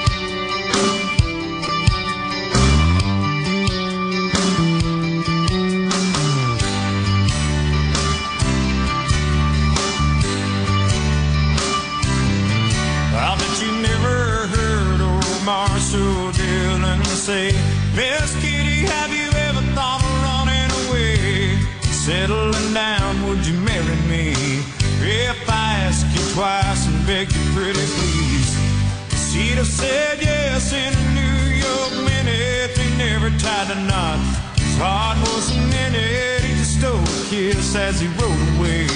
He never hung his hat up at Kitty's place. I should have been a cowboy. I should have learned to rope and ride. Wearing my six shooter, riding my pony on a cattle drive.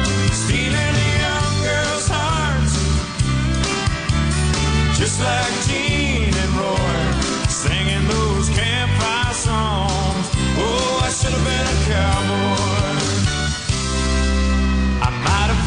sidekick with a funny name, running wild through the hills, chasing Jesse James, ending up on the brink of danger, riding shotgun for the Texas Rangers. No young man, haven't you been told California's full of whiskey, women and ghosts sleeping out all night beneath the desert stars, with a dream in my eye and a prayer in my. I should have been a cowboy. I should have learned to rope and ride. Wearing my six shooter, riding my pony on a cattle drive. Stealing the young girls' hearts. Just like Gene and Roy, singing those campfire songs. Oh, I should have been a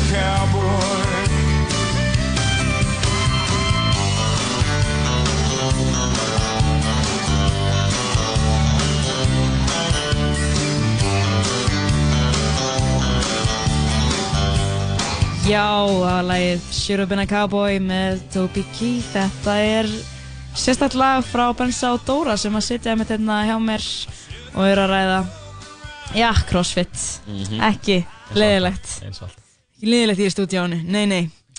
En uh, já, strákar, við erum að tala um það að við erum búin að fara aðeins yfir, já, 20.1.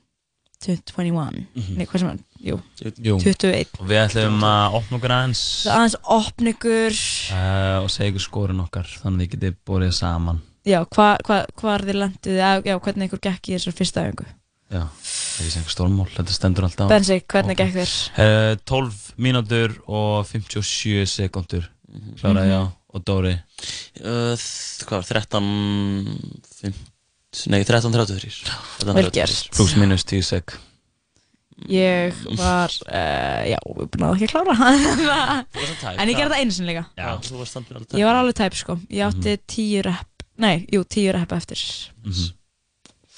en þú veist, ég var líka nýbúin að vera eitthvað að keppa og hvað skilur, maður verður bara að hlusta líka mann eins og ég nefndi einn aðan um, svo erum við að tala um uh, 22 22, þetta, mér finnst frekar fyndið við þetta, þetta, það var svona lúmsvipa kannski á 20 komin, þetta var svolítið svona kardió bara og, og langt og þannig þó að þó að mér fannst verð, mér að sjá, 20,1 verra sko. Já, mér, mér var samt sko 20,2 alveg vera núna sko þegar ég, þegar ég tók það hana í gær Þú peisar okkur rétt, af því að Já. ég er að segja 20,2 Mhm. mm maður byrjar og maður átt að byrja fyrir í sí svo ertu að halda áfram og eftir hvert ránd verður bara aðeins streyttari aðeins streyttari og hægt og rólega þannig að þú ert bara physically exhausted Já. í lokin, ef þú gerðir það rétt Mhm. Mhm. og það svona getur þetta verið nefnilega alveg bara virkilega erfið æfing, eða bara vonda æfing eins og maður segir, Mhm. spicy Mjög spicy. spicy var vod svolítið löng og samt sko það sem að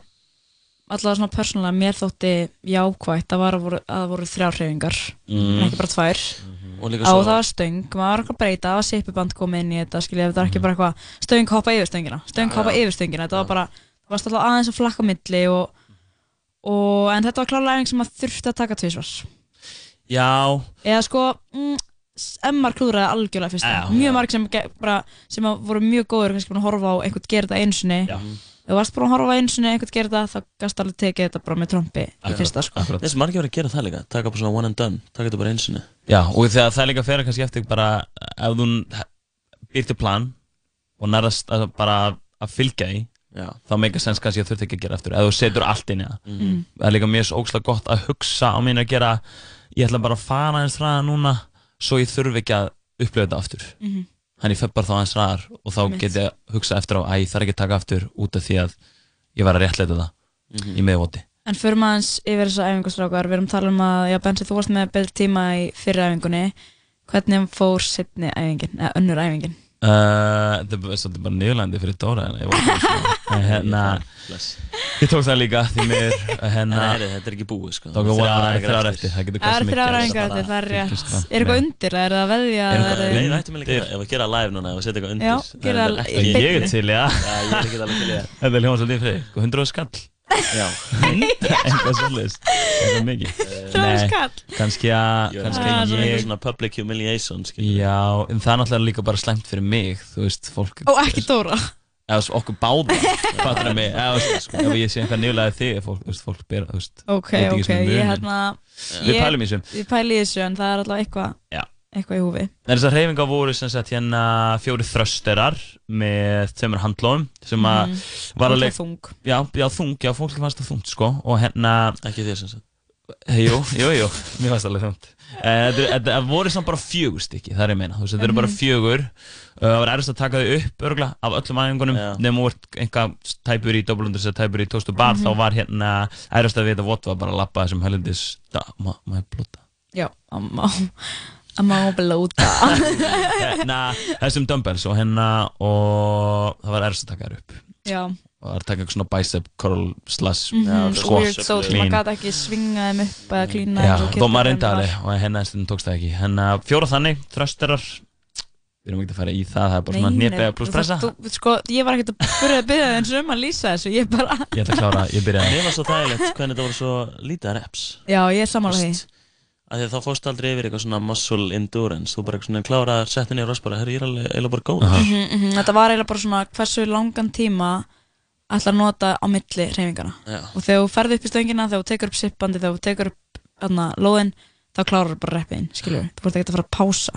Já, en það fer eftir bara hversu mikið ætlar að pása þarna á milli sko. Mhm. og þar voru sekundunar svolítið dýrar sko. Já, eina sem hún getur pásað eitthvað er kannski tóstubar ef að- ef þú ert eitthvað Mhm. í- með sagt. Já, fólk var að ripna í þessu æfingu. Og kannski við ræðum aðeins líka sko bara áherslunar svona vöðvalega séð, þú veist, hvað er gerast í líkamannum þegar maður er bara nýbúinn, bara hvernig er hann, hvernig standið á líkamannum hvernig fannst ykkur munurinn á 2, 1 og 2, nei, 22 sko, mjóbáki á mér var svolítið steikt eftir uh, 20,1 fannst, fannst mér sko, Mhm. eftir snatsi og allt svoleiðis. Mhm. Um, en núna 20,2 bara Gripið. Bara og vefpumpa grip, og líka lungun sko, mér fannst hérna þegar maður var að keira á sig loka ránd þá var maður fann að anda hansi mikið og reyna að stjórna því og það var ósað erfitt og hann Mhm. er hérna maður lágalega hans í gólfinu.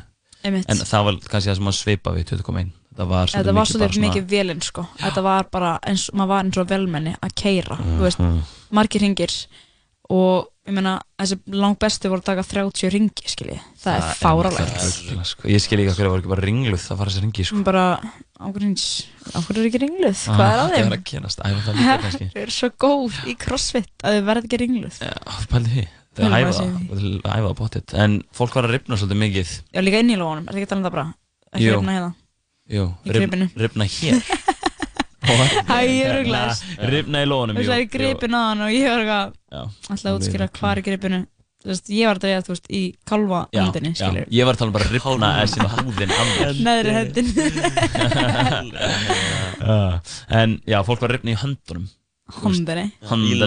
Sagt. Húðin af, basically. Já, ég gerði þeim Já, mistök ég sá engan rifna Varst þú að rifna? Nei, ég gerði þeim mistök senast open sko Já, að rifna. Þá alveg sko Sleftur að grips Tók ég bara viku eftir viku sem ég var bara að rífa alla, alla lófa Það var Bara ógeðslegt. aftur, Það er ekki aftur, gaman, aftur. sko. Nei, það er ég á bara, þú veist, ég hef aldrei gerað aftur En kannski gefa svona quick tip Mhm. ef við rifnum Ógæslega mikilvægt að halda þessum hérna ef við rifum ok upp húðun okkar að halda því blöytu þessar Já. frumur eru að reyna að myndast á fullu að reyna hérna bara að laga sig og hérna og halda því blöytu á, á eru að hraðari að koma tilbaka. Og ekki klippa af, það er svo margir sem fara að ekki klippa af, af því að þú vilt Nei. halda þessu röku og þú klippir af þá ertu bara að halda, er þetta þurrt alltaf. Þannig að maður bara endur sér sunda Það er kannski ógæslega Ok, vant bara. þegar þeir sé blöytu þá er ekki verið að hrækja á það einhvað svoleiðis þegar þá á maður að vera með svona þannig krem. ekki bara eitthvað svona í. krem, hafa kremi blöyta, já. Bara, maður á bara yfir höfuð að hugsa um þessa hendur það er geta ekki fara á æfingu að þegar þú ert rifin inn í lófanum það er ekki gaman En, maður á ekki rifna, það er ekki cool. Sko, það hvað að þið. Fólk, Fólki finnst það svo cool. Það er finnst cool. það stundum cool líka. Það er beginner, cancelled. sko Nei, mér finnst það bara flott ef þú ert að byrja. Þá máttu Að rifna. rifna. Nei. Þú veist, þá rifnar, bara þú getur ekkert gert í því bara húðin er ekki orðin svona þig það er gott að rifna í byrjun og þá Svo hættir því, gera skilur. aldrei aftur. Það er cool, ein mynd, tekur myndina setur henni í story, rifnar aldrei aftur. Aldrei Aldrei En strákar, hvernig gekk ykkur í 22? Heyrðu, já uh, það var- gekk hans betur ég hann uh, náði að peysa mjög vel þannig ég tók það bara einsunni Mhm. Þannig hérna ég náði 23 umförum bara á slæðinu Nice. Beilaði Vel meira gert. segja hann að tók hana Fækst maður hjartafall þegar, maður stígur á sippandi og ætlar að fara að sippa og það bara skist úr höndunum á hann Oh shit, Tók gerst það. við gett marga Það, ég, það eru margir að tengja hennar Kommentið ef þið tengið. Kommentir í skíðinu róan Aha. En það gerir sem en já, ég náði klart 23 Dóri? Ég hérna tók þetta tvisvar. Já. og fyrst skipti þá veit ég ekki hvort ég tók á byrju 19 til 21 umferð. Ég er bara, ég var einn upp í mjölni. Why? uh, klukkan svona nýju um nótt á föstudeginum, að því ég bara þurfti að taka þetta föstudeginum og ég var búin að bara vera ógslag busy Hann hringdir ekki mig, ég hef getað að tala fyrir þig sko. Uh, því það var FaceTime. bara, hei, neina, kom mjölni og telja fyrir mig. FaceTime bara. Ég hef bara og, og líka líka það, ég var batterisleis Mm. og þetta var þú eftir meira í inn. þannig gæðin bara, ég sagði, má ég plýsta gæðin? Hann sagði já, en, en ég er búin að sk- skúra uppi þannig að mátt ekki um þetta kalk. Mm, Þannig ég var bara eitthvað, engin Endalausar engin að telja fyrir mig. Enginn að telja, Nei, enginn ég- sá ég- nei. þetta. Þú hefði En já, getað tekið ok. 30 Þannig rand þú- og þú bara ekki tókst slitna mitt, eða slitna ekki, það dettur af pinnin Já, Það hljómar svo ömurlegt. já, bara, já, já, þú þú veist, Já. lélegasta Já, kvöld þetta var, bara. þetta var samt sko, mér fannst ég þurfa að taka þetta sko En þú farið þetta annað tækifæri til að taka aftur Já, tekið þetta sinni sundaginn eftir að ég er búin að keira til Akureyrar um helgina og tilbaka Já. Á mándaginn, hvað sagði ég? Sundaginn? Upsi, Hvernig, er hvernig gekk setna skipti? Ég var að drepast, þetta var ógislega erfitt Ég náði, hvað, 690 Já, 20, reps. 20 umferðir pluss 10 rep. Já, hann Hérna. er kláraði þrestarana og tóltubar sem er bara alltaf leið, vonandi. Já, það er bara mjög, an- já, mjög bara Það vel er bara mjög gott, 20 sko. sko. Ég er alveg satt með það, en það er 2-0 þá. Það er 2-0 fyrir Já. Spensa þessa stundina, það er ára æfingar eftir. við erum búin að fara yfir þetta fyrstu tvær æfingarnar í já, openinu í CrossFit. En sko, svona áður neitt að sleppa ykkur þá langar mig aðeins að kíkja á topplistan. Um, þá kannski bara er þið eitthvað að skoða er það að liggja yfir þessu Ég leaderboards? mest yfir bara svona Íslandi, mér finnst mér skemmt Já, sko, mér finnst það, sko já, Ég er er að algjörlega sammála mér finnst- svona allavega eins og staðan núna þá er Ísland skemmtilegast sko það því að hitt svona getur svo mikið breyst Mhm. ef við erum samt að tala um að já, Björgun Karl, væntalega er hann efstur Já. kalla megin um, Á svo Íslandi? langaði mig bara, já, nei, þannig á Íslandi hann er öðru sæti í heiminum eins og staðan er núna um, en svo er oft eitthvað eitthvað nýja tölur að koma inn og svona, hvað vera fiff eitthvað um, stráka, mér langar að spyrja ykkur að einu, að því nú þekkjum við öll þessi stórnöfn þekkjum, þú veist, Aha. við erum með Bjögga við erum með Katrin Tönju Anni, við erum með Söru er ykkur nýnöfn og þá kannski líka kalla megin sem að er spennandi að fylgjast með. Já, Er, ég vil segja eh, það. Hann hérna Haraldur sko. Já, hann- hann er í- Haraldur Holgersson. Hann er, er hann ekki í öðru seti? hann er í öðru sæti. Hann er fáralegt potential sko. Það hefur er verið í mörg Hann ári held að hann sé hann bara er 21 árs. 21 árs, ég er bara að lesa prófílinn svo Ríða í 21 sko. Já. Hann er rosalegur. Uh, hérna, uh, ma maður hefur eitthvað verið aðeins að vera fylgjast með honum og líka heyrt, ég held að það var í Snorra Björn hann að Snorra podcastuna að Björki var að segja að hann væri potential. Mhm, Ég held að hann sé líklegur bara akkurat að stefna á Mhm. games Og svo- eitthvað þannig. Og hann er fánlega klár líka. Ég, ég stálkaði hann á, á Instagram og hann bara, jú ég held sér fór hann hann er bara fór, fór, fórsetalistan líka og... Nei, Þetta er það svona ó- óþolandi típa sko. sem að er er svona brillera bæði sko. Er ykkur fleiri nöfn sem ykkur dættir í hug? Uh, já, bóðum, maður sjá. Ingimundur. Já, Ingimundur, hann er, hann er, hann er já, gamall og Haraldur Hann er í þriðasætt held ég, er það ekki? mm, núna Nei. er Sigurður Þrastarsson í þriða Á, ok. jú, En í nei, hann er- fjórða já, svo er Sigur Jónsson svo Ingi Mar Já, Ingimar Ingimar, já.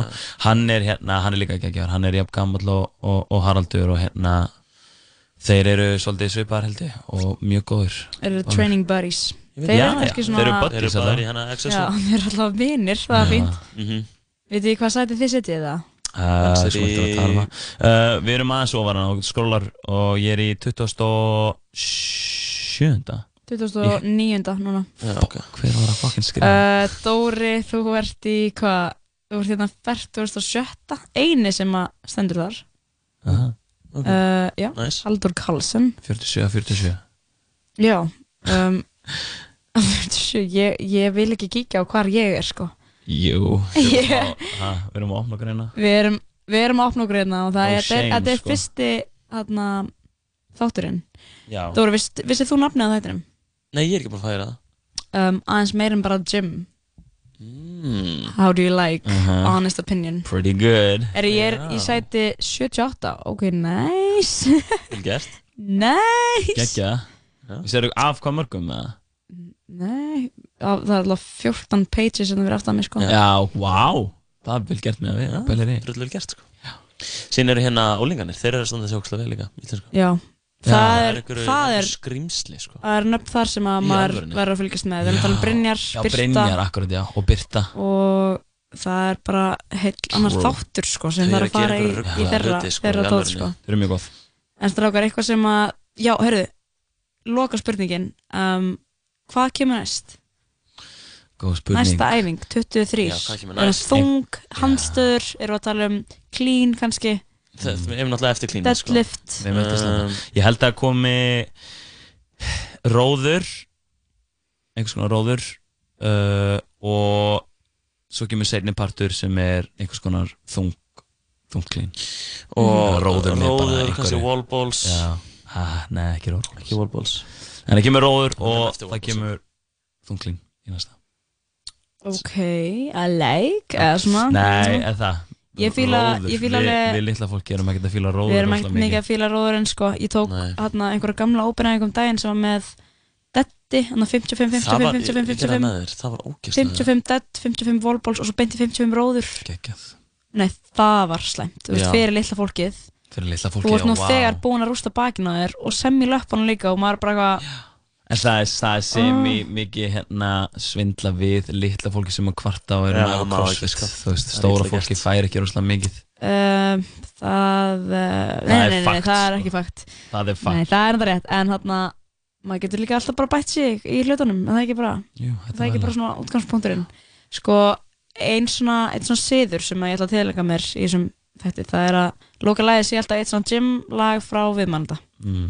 það er ekki að vera, þú veist, eitthvað beast mode lag, það má líka bara vera nice Já, lag. gymla, já, ok. Það er eitthvað sem kemur mann í gýrin að eða eitthvað, eitthvað, svona eitthvað lag í gyminu sem að uh, Já, þessa stundina kannski. Veist, hérna, vil, Viltu hafa þetta mjög viltu bara hafa þetta svona allir skælinn sko, velkomin. Ok. Já, við erum með sko svo geggjan playlista. Við erum með geggja playlista sem við erum ekki búin að gefa út sko, það var Nei. margir beðum um. Hann er lokaður Ég sko veit ekki að nefna nei, nei nöfn en Pétur kennan bjöð uh, tvö skall. Hann bauð úrið í hann bauð hérna- úrið í að fá pleistan og við sem nei Sögðu nei En hérna, jú, ok, eitt, eitt af því, við getum tekið hérna, viltu bara nýjast hana, hvað heitir það? Slipknotlaði hérna Ég voru að Það er segja- of mikið Er það of mikið?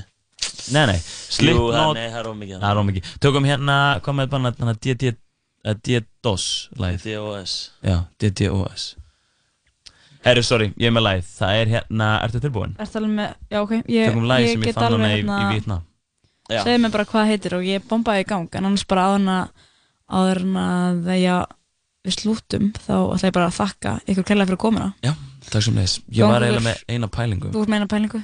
Uh, og það er pælingin eh, hversu svipa rattir eru ég að dóna mér? Ef Mjög fólk, svipar, ég er búin að hugsa mjög mikið um þetta. Ég held bara- að fólk viti ekki hvort var að tala hvenar Ok, tökum smá test sem Ok. í lokin Get, hvað með að þú getur bara svona fiffa skert mína rödd svona svona stýpur Nei, ég var að gera mína svona. en uh, það væri gaman að testa fólk sko. Ok, Bensi. Ok, ég ætla ok, ég, það, ég er Bensi, ég er að tala núna.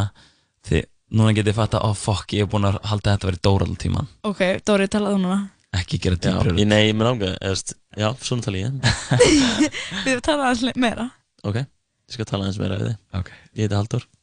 Tala svona Þetta er En nú þar höfum við það kærlustundur um, Þetta var Ég er ekki mjög okkur sko. Þetta er eiginlega alveg eins. Aha, já, þú þarf að vera sko expert level í svona að þekkja okkur í sundur til að gera þetta það eru margir hann úti sem að geta greint hann í sundur sko þegar við ringjum, þegar ringjum úr símanum að stóra. Það er mjög high level sko. Já. að því fólk á að búa sér sér Dóri. Og ef það fattar þetta sér ég, það er bara, þú veist Það er magnað. það er bara mom level. Ég er alveg mun á sko tal Svona talsmáta Já. En ekki rödd. Mm-mm. En við ætlum að slúta þessum þætti á um, Já, ykkar svona uppáhalds Rektarlægi, þú veist, gymlægi Þessa stundina. Og hvað er Hvaða lag er það? Eh, ég get alveg ekki bórað fram en það er hérna The, the Joe and Choc remix. Ó, sæll, ok. Það er skrifa þetta. Það en þetta er, er- magna lag. Hva, Hvað er þetta lag, Bessi? Ég heyrði þetta lag hérna, ég var í heimsreisu með kærstum minni Siggu. Og hérna og við fyrir minna eitthvað random klúb í Vietnam, allt gett opið og, og gast bara keift bjór í svona risa bara kössum basically Mhm. og það er bara fólk frá Vietnam þetta er bara locals og við erum hann eitthvað og, svo, og þessi klúbur er bara að spila svona lög allan tíman og í þessu lagi sérstaklega stóðu allir upp og sungu með hann þetta er eitthvað svona, eitthvað svona þjóðlag uh, remixa í döðlur þú Ok, veist. ég ætla að testa þetta Þetta er lagið Þetta er lagið. Ég er svo til í það að ég hef með þess að hlusta á þetta ekkert um hann í gyminu. En kjærlustandi þetta er lagið The Joe and Chog Við kveðum hérna Bensi, Dóri, takk aftur. Takk kærlega. Hlustum á þetta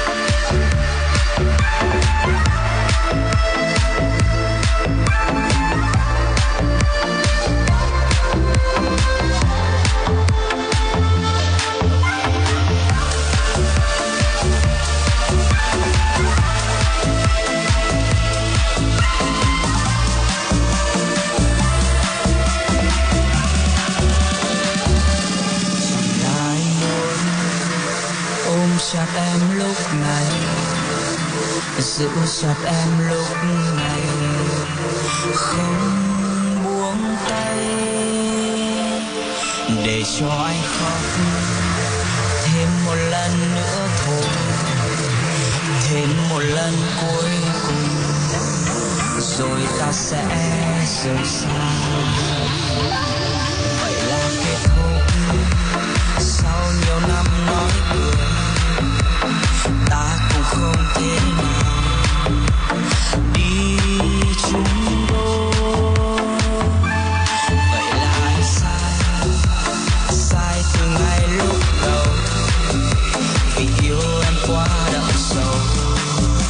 so does. Not when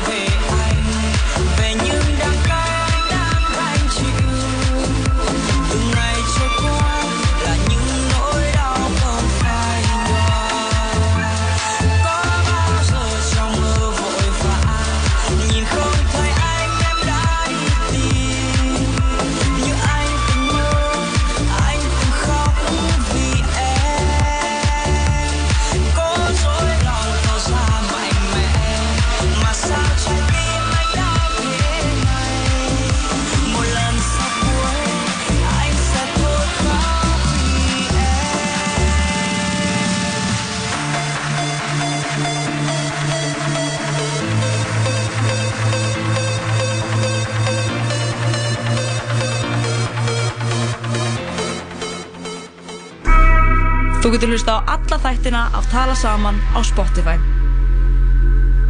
Frítt á tónleika og viðburði með sambandinu. Sambandi. Símafélag framtíðarinnar. Mmm, þetta er góð matur. Skál, hlemur matöll. Matur sem degrar við líkama og sál. Serrano. Fresh, happy, max. Tala Saman.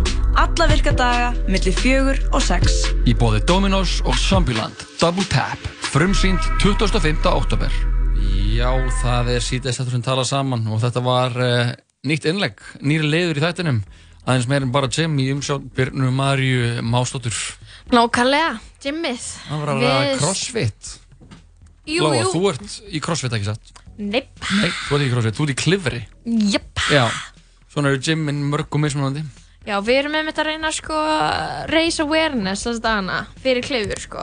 Já. Það er bara að benda fólki á, þetta er bara svona smá ad, svona, samt ekki, að þarna klifurhúsið, það er í ármúla 23, það er þarna, það er hægt að klifura inni og prófa sér áfram og ég hvet alla áhuga saman um að bara skella sér, það er opið alltaf frá fjögur, loka tíu. mm Já, var þetta ekki fín auðlýsingu eða? uh, Jú, ég ætla að fara í klifri núna Þú hefur prófað klifur. Já, ég gerði það reyndar og gæti vel hugsað mér að fara aftur Þið varst bara skemmtilegt. Já, veistu, mér finnst bara aðskotið skemmtilegt Já, það er sko, klifur er fyrir alla, á öllum aldri, sama Konur og hvernig, kalla. hvernig formið er í, hvað eru hávaksinn, lágvaksinn, breið eða mjó, Mhm. skiptir engum máli. Mhm. Geta allir klifrað. Þetta snýst bara um að segra svona ein líkamsþyngd. Einmitt, og það er eitthvað sem við viljum öll gera Já. uh, Núna, á þessum, í þessu annað svona samfélagslega ofslæði sem við búum við. Ok, ég voru að fara að segja eitthvað gáfulegt, I love. uh, má þá ekki lengur, segir, lengur segja að þetta er fyrir alla konur og kalla Ég veit það ekki, af hverju þetta pæli því?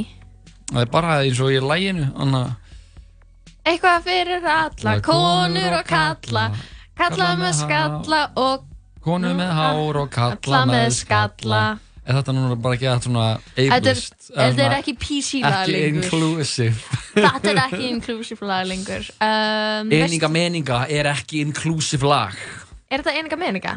I don't know Er þetta ekki aðna, Olga Guðrún, eða ekki? er þetta ekki Er aðna, ekki sögulegið? er, er þetta ekki aðna lagi aðna úr aðna hattur og fattur? Hattur og fattur fara á kreik La la la la la la la la la la la la Þetta er ekki það Eitthvað, þá mannst eftir aðna, við vantar skúða, við vantar Já, sög. já, þetta er eninga meninga með Olga Guðrúnu Bú. Og ætl- ert þú að segja mér núna að Olga Guðrún sé cancelled? Nei, ég aðna held ekki, sko. uh, jú, þetta er Olga Guðrún, eninga meninga Getur við hlustað að það?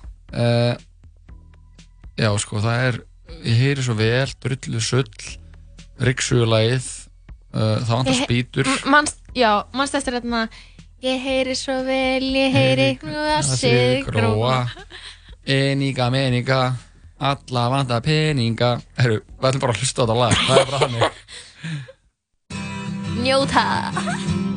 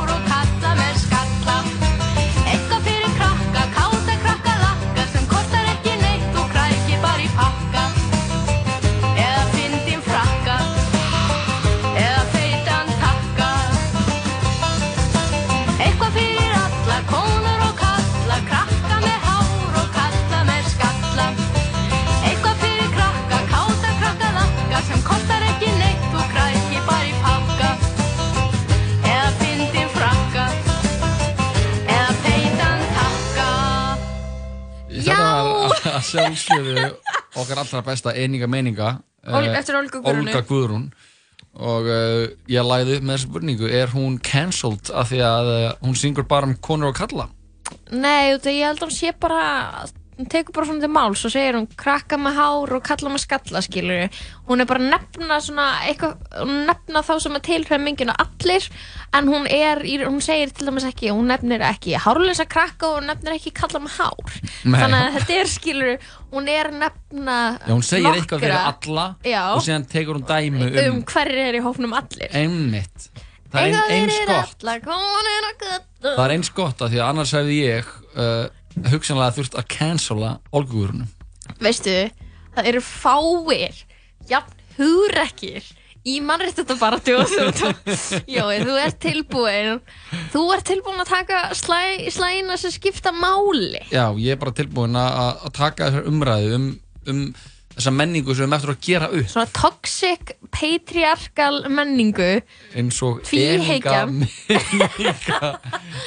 Titillag flutunar, eninga meninga. Hvað þýðir eninga meninga? ég veit það Þýðir það ekki, eitthvað? ég veit það ekki. En uh, ég skal googla það samt. Googla það. enega meninga. Fara á Google Translate. Eninga meninga. Enega meninga. Ja, enega meninga. Sjúkati púkati er þetta ekki bara eitthvað svona kaupa meira fínir í.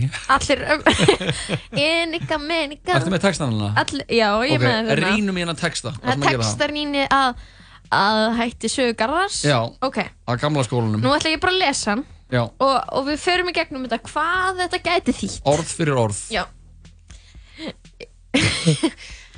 Enega menega Allir röfla um peninga. Súkati púkati Kaupa meira fíneri Ok. Kaupæði málæði. Er þetta við ekki þurfum að- Við brjálæði? þurfum að stoppa eftir Ég er að taka versið. Þetta er Nei, ekki allt versið í einu. hálft þá, ok. Enega Nei, menega Þetta voru fyrst fjóstu allir- fjóra línunar Ok, Eninga meninga Allir öflum peninga Súkati púkati Kaupa meira fínir í Það er alltaf bara hárbreytt að ádela á neyslu samfélagi Á neyslu hyggjuna Neyslu hún, hún, samfélagið. sá, hún sá þetta fyrir Já, jú, jú einmitt. Þetta er árið 1976 Mhm. sem hún gefur þetta út Er höfundur lags og texta er þetta Ólafur Haukur Símonarson Getur What? það verið? En hún syngur þetta uh, já, Olga- þetta er- Olga já, syngur þetta. Written by Ólafur Haukur En Ólafur Haukur, já Við leggjum virðingu á hans nafn Já, hvort við gerum? Og svo er það næsta, heldur þetta áfram. Ok. Kaupa meira fíneri Kaupæði málæði Er þetta ekki brjálæði? Jú, þetta er brjálæði. Brjálæði. Þetta er brjálæði. Þetta er kaupæði, málæði. Og hérna kemur umdelda línan Og hún hefur þurft að svara fyrir þetta síðustu ár í viðtölum. Eitthvað fyrir alla, konur að kalla Krakka með hár og kalla með skalla. Emitt Ósangenda Olgagur hún þurft að svara fyrir texta sem að Ólafur Haukur Símonsson skrifar. Emitt, þannig að það er kannski hann sem er Það er hann cancelled sem að fer undir smásjána Já. Bara kemur bara djáf á morgun bara svo- Ólafur Haukur cancelled eftir svo- að ringt var í texta eninga meninga Sko, hérna er, jói, lína sem að er efni í hryllingsmynd. Já. Eitthvað fyrir krakka káta krakka lakka sem er eitthvað svona hybrid af krakka og kakkalakka Já, ó. getur við hugsa hugsaðar eitthvað ógísleira Bara, er þetta strákur? Er þetta stelpa? Nei, Þetta er krakka- krakkalakki. ka- Krakkalakki ok, svo hérna, eitthvað fyrir, eitthvað fyrir krakka káta krakkalakka sem kostar ekki neitt þú krækir bara í pakka eða fyndin frakka eða feit, og núna, núna skil ég ekki neitt feitan takka Feitan takka Þú krækir bara í pakka eða fyndin frakka eða feitan takka. Hvað er takki? Og hvað er feitur takki? Feitur takki Er það ekki bara takki eins og fyrsteringu? Ah, ég er svo ánæður, ég fekk feitan takka. Já, það, þá er það ít á okkar fyrsteringu beinin að einhver sem er stórt eins og stórt sjónvarp Ok. Svo kemur þetta aftur endurtegning, eininga meninga, jáinga peninga, súkati púkati. En ég get sungið fyrir því. Sönglandi, hún er að tala um að fara að baska á götum úti, standa á götum úti og syngja fyrir peningum. Já. Ég get sungið fyrir því sönglandi, raulandi, með garnirnar gaulandi, þarna lýsur hún veruleika margra þeirra sem baska. Já, eins og vikingagössins sem er alltaf fyrir utan Subway Með garnirnar gaulandi. Já, sem er hann að Að, ok, við fyrstum bara, er textin búinn eða? Já, og svo er það bara endurþekning á versinu fyrir Og við ætlum ofan. við aðeins að tala um gaurinn sem er alltaf að syngja, Víkingagaurin sem baskar. já, Mm þannig að, þú veist, mér langar ekki að vera leiðilegur, en ég verð Ei, stundum er ekki neitt alveg hægt. Nei, ég, ég þannig að ég ber ekki hlýjar tauga í garð þessar manns. Ah, hvernig taugar berðu þá? Kaldar taugar. Nei, veistu hvað þetta er? Þetta er bara, Ég veit hann þú er fyrirlítur hann. hann er hana, ok, það sem, hann er kannski ekki vandamálið. Hvað, samfélagi sem, Samfélag. samfélagi sem samþykir svona hegðinu vandamáli? Nei, því að laugaverin er náttúrulega orðin einn tú- túristabúla og alveg niður, niður bankastrætið og niður fyrir læk, inn lækjatorg, austrætið, þetta Og upp á fokkin Suðurlandsbraut. upp á Sjölandsbraut. Þetta er allt bara svona túristabúlur sem er að selja einhverjar fokkin ísbjörnadúkkur, eins og það sé svo mikið ísbjörnum hérna. Ísbjörnum, lundar, uh, Íslandinga drepa lunda. Já, og ísbjörni og seli, Við hötum alla þessa hluti sem eru til sölu í þessum fokkin búðum. emitt, og, og það er, það, ég er lengu svona einhvern veginn sko, minn, mitt svona, mínar köldu tilfinningar í garð þessara verslana eru löngu veist, ég er, þetta er orðið, Þú er semi over it, Ég er skilurðu. over it, en síðan byrtist gæi í vikingagalla fyrir utan Subway eða Deli. Hvað er hann að syngja? Á er hann að syngja vikingalög? Nei, hann er bara eitthvað. Eitthvað Sweet fyrir child alla. of mine. Eða, þú veist, hann er bara að syngja bara einhver lög. Hann er bara eins og gaur sem er bara, væri bara að spila á gítar veist, nema hann er ekkert sérstaklega skemmtilegur söngvari ekkert sérstaklega á gítar held ég og er í vikingala að syngja bara einhver lög. Þú veist, ef hann væri með íslenska langspilið og væri að spila Þá það erum við að tala þá saman, væri við að tala saman. Það væri eitthvað þjóðlegt við þetta fyrir utan bara eitthvað svona, eitthvað svona trúða vikingabúningur Jafnvel sko, ef hann getur farið í kannski, þú veist, bara gamla KR treyju já, og sungið hérna barnalögin af plötununar og olgugurinnar Já. Enika, menika, bara skilur allir öflum peninga. Bara gert eitthvað svona íslenskt. Hvað er reyndar íslenskasta flík sem þú getur farið í? Að það er 66 flíspressa Er það ekki? Ég lofa Hver, hver er þjóðbúningurinn okkar? Ok, við þurfum núna að ákveða unofficial þjóðbúnings sem er ekki að upplöð, upp, upplöðurinn. Upplöðurinn, heldur bara hvað er unofficial skilur, Mhm. official þjóðbúningurinn? Uh, ég myndi segja að það væri er það ekki lífæs eða díselbuxur eða eitthvað? Er samt einhverju lífað lengur? Ég er sko að hugsa um þú mátt taka saman trend sem eitthvað svona áratöða trend við þurfum ekki að taka mínútu átfitið skilur við megum horfa tilbaka Mhm. æ skilur við Mhm. já, já, það er bara gallabuxur. Já, það eru gallabuxur og svo eru það uh, ég myndi segja að það væri hann að einhverju svona brúnir skór. Já, þú veist að hugsa um kallmenn nei, konur í brúnum skóm. Konur í brúnum skóm. Ég veit að þetta hljómar eins og eitthvað ótrúlegt í þínum eirum þetta er eins og ljó uh, skiptir ekki máli hvað þetta er eins og. Anna, konur í brúnum skóm er það ekki, er það ekki Nike Air? Miklu frekar. Uh, gallabusur og Nike Air Free já, um jú, jú, jú, það er rétt. Það er Nike Air Free uh, og svo er það einhver svona stakkur. Já, er það ekki þarna svarta 66 dúnúlpan með loðinu í hettunni? Jú, Þórsmörk. Já, Jú, hún leynist á flestum heimilum. Ein spikfeit Þórsmörkur úlpa það er sími í vasanum og símin er í símahulstri sem þú getur opnað og lokað sem lítur út eins og veski. Já, og það er, já, og kortin eru þar. Skjárun er brotin og þú ert með yfirdrátt á öllum kortunum. Já, og, uh, og þú er með þúsund missed calls frá kærustunniðinni þú ert með strýpur og það er komin tíma að fara aftur í strýpur en uh, Þú hefur ekki efni á þú hefur ekki efna á strýpum og en þú ert með að eða öllum penninginum í strípur í staðin fyrir að sækja þér sjálfræði meðferð sem þú þarnast nöðsynlega þetta er íslenski þjóðbúningurinn Jói. Já, og hann er efnislegur og hann er óefnislegur í senn. Þetta er hugur ástand sem Íslandingar hugarástand. eru í, klættir í. Mhm. Og þeir eru jafnfram klættir í Air Free skóna. Og gallabussur sem að sita illa á meðmónum. Já, öllum stundum. Og bara, og ef þú, ef þú ert klættur í þetta lúk núna meðan þú heyrir okkur tala um þetta mhm. þá veistu að þú ert smá trúður. Já, take a hint en, og take a hike. En við elskum þig. Já, þú ert ge- trúðurinn í gegnum súrt og sætt þá erum við með íslensku þjóðarsálinn í liði sko. Já, það er íslenskt að elska sig og Og- með litla sjálfsverðingu og hafa litla sjálfsfræðingu Já. að eh, bera litla virðingu fyrir náunganum og enn minni fyrir sjálfum sér.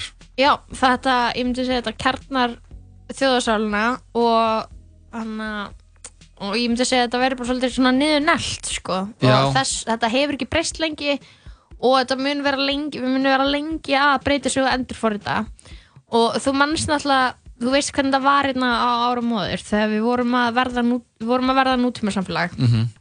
og við fórum úr að vera í einhverjum torfbæjum yfir Íslenska torfbænum. að hlusta á íslenska langspilið. Já, yfir í sko að vinna á vellinum og, og sumi dóa á sjó í, heim, setni heimstyröldinni og svo var allt í hennu til peningur hérna Mhm. og, og þá hérna föttuðu Íslandingar að hvað neyslu ekki að vera næs og fóru Einmitt. frí til spánar. Já, sjónvarpið var komið og og, þetta eskalataðist bara í Nike er frí og 66 Já. á öll heimili. Já, og við þurfum að snúa við núna. Nú þurfum við bara að bremsa bílinn við setja í þurfum, að, við þurfum að skransa á planinu sem liggur hann inn að IKEA og Costco. Og við þurfum að bakka tilbaka.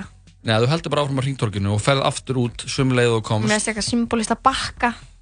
Já, en ok, við ætlum að snúa við á ringdorginu og við ætlum að byrja að keira og við ætlum að fara fram hjá Nes uh, og við ætlum að fara út í Saltjarnanes og út í gróttu við þetta já, og þar ætlum við, þar ætlum við að sjá þarna gamla Horfa í húsið, í speilin mhm, og, hana, og hugsa um aðeins hvernig Íslandingar við viljum vera. Já. Hvernig manneskjur, hvað er Já. að vera íslendingur? Hvað skiptir þið máli? Við þurfum alltaf að komast að því hvað það er að vera íslendingur. Já, það er út af því að þa þetta, þessi þjóðbúningur þetta er ekki, þetta er ekki máli Nei, þetta er það alls ekki sko.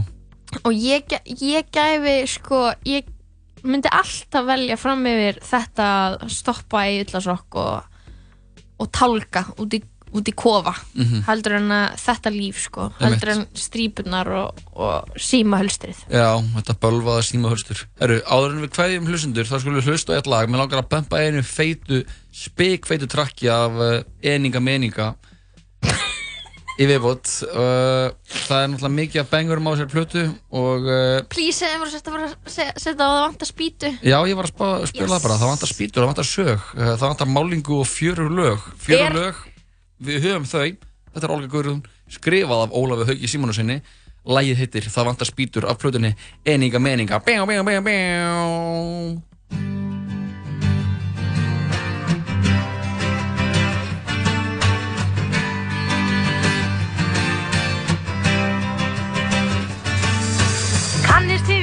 sem að kúri sand Kassa. Þeim leiðist heldur lífið og eru löng og hægt að krassa. Kannist við krakka sem að kúri sand Kassa. Þeim leiðist heldur lífið og eru löng og hægt að krassa. Það vantar spýtur og það vantar sög. Það vantar málingu og fjörulög. Það vantar spýtur og það vantar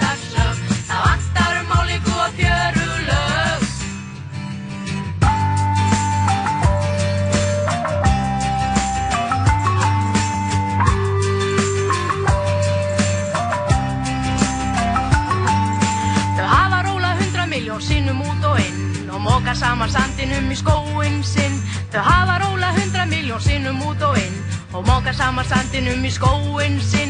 Það vantar spýtur og það vantar sög, það vantar málingu og fjörulög. Það vantar spýtur og það vantar sög, það vantar málingu og fjörulög. Kannist við snáða sem að engu fá að ráða, þið þvælast bara hér og þar og eru fyrir allstaðar. Kannist við snáða sem að engu fá að ráða, þið þvælast bara hér og þar og eru fyrir allstaðar.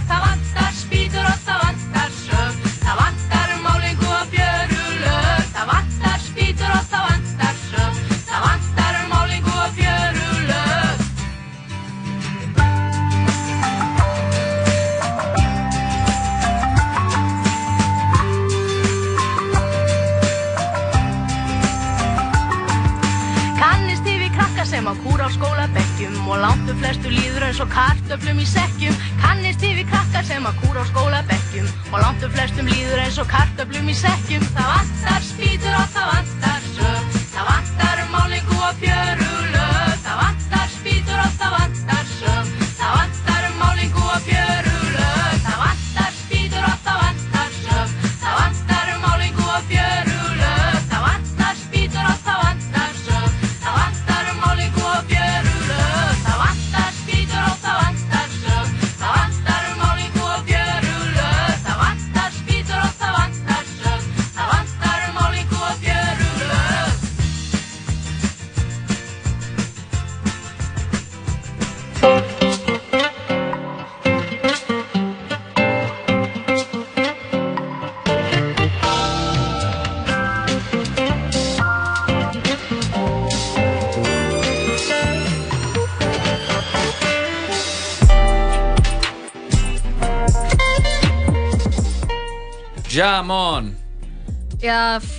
fárlega gott að vera Íslandingur á, á dögum sem þessum Já. Í skítakvölda með remix af rúflæginu í botni. Eftir Krabba Main Early Krabba Main Þetta er fárlega gott sko. Við vorum að hlusta á Það vantar spýtur með Olgugurunu af plötunni Eininga Meninga. Já, við tökum hlutverki okkar sem menningarstofnun alvarlega. Við erum ekki fókast með það og við vorum aðan að tala um listamannalaugin Við tölum um crossfit sem er orðin hálfgerð Þjóðaríþrótt Íslandinga tekur við af íslensku glímunni. Já. Og já, svona er þetta. Tíðarandin breytist, menninni með en tala saman verður alltaf á sínu stað milli fjör og sex.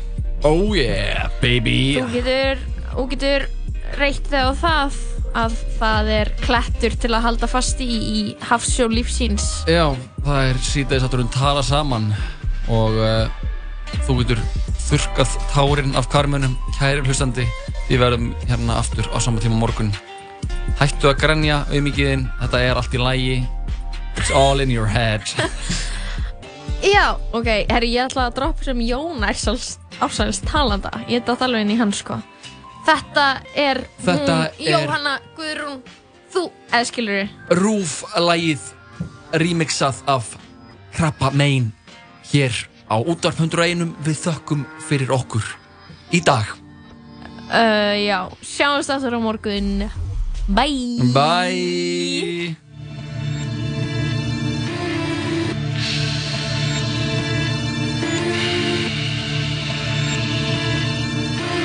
This is a melody. Baby, welcome to the party. I'm off the Midas and the lean. That's why I'm over retarded. That's why I'm over retarded. Baby, welcome to the party. Huh? I hit the boy up and then I go skating a Rari. Baby, welcome to the party. Baby, welcome to the party. Sex. I got the X, the shrooms, the acid. Yes, you can see I'm a savage. Don't try this at home, I'm a savage. Baby, welcome to the party. She pulled up in the Benz, she came with a friend. I told her meet my nigga Bari. I'm a villain, I'm feeling like Cardi. Yeah, you see the fit, I'm a dilate. I beat it, I bust and I dip. I told the witch stop following me. She stalking me, she trying to ruin my trip. These niggas coming round screaming gang gang. I ain't never seen you on the strip. Never ever had the peps in your mouth. Never ever had a tool in the whip. Had heavy metal like a bench press. It's a waste of time sending death threats. I got love letters I ain't read yet. The club closed, we ain't left yet. Fucking dress code, we're the best dress. Double R's in my headrest. Asked her if she's coming and she said yes. The shopping sprees and the best sex. But you're just a silly nigga with your silly rap snitching on yourself in your verses. I was driving home so the light was on. Pull up on your girl for a service. And when it's showtime, they be taking money out their purses. It's a hundred racks when I touch a stage. How could I ever get nervous? Baby, welcome to the party. I'm off the Midas and the lean. That's why I'm over retarded. That's why I'm over retarded. Baby, welcome to the party. Huh? I hit the boy up and then I go skating a Rari. Baby, welcome to the party. Bitch, I'm a duck. Get me lit. Gun on my head. One and a half. Set in the clip. Baby. Don't trip. Just lower your tone. Cause you could get hit. Don't let that in my system. I get your body. Next day I forget it. Next day I forget it. Nigga Dre just caught a body. And on the. Nigga, I was just with him. Look, you my villain niggas, all my villain niggas, all my killing niggas as a kid. Since a younger nigga, I've been drilling niggas, mom, so I stuck up in my ways. Ain't nobody ever gave me shit with this big chip, I had to get paid. And it's 10K to go stage. And you know the trees getting lit. Baby, welcome to the party. I'm off the Myers Xanaline, that's why I'm over retarded. That's why I'm over retarded. Baby, welcome to the party. I hit the boy up and then I go skating a Rari. Baby, welcome to the party. Bitch, I'm a thot. Get me lit. Gun on my hip. One and a half. Set in the. Just lower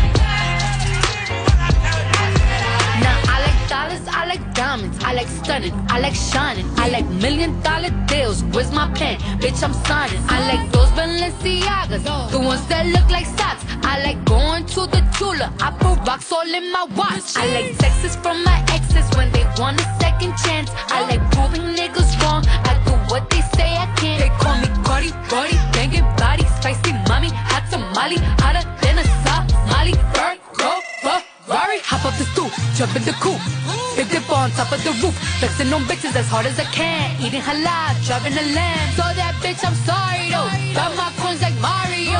Yeah, they call me Cardi B. I run this shit like cardio. Diamond district in the chain.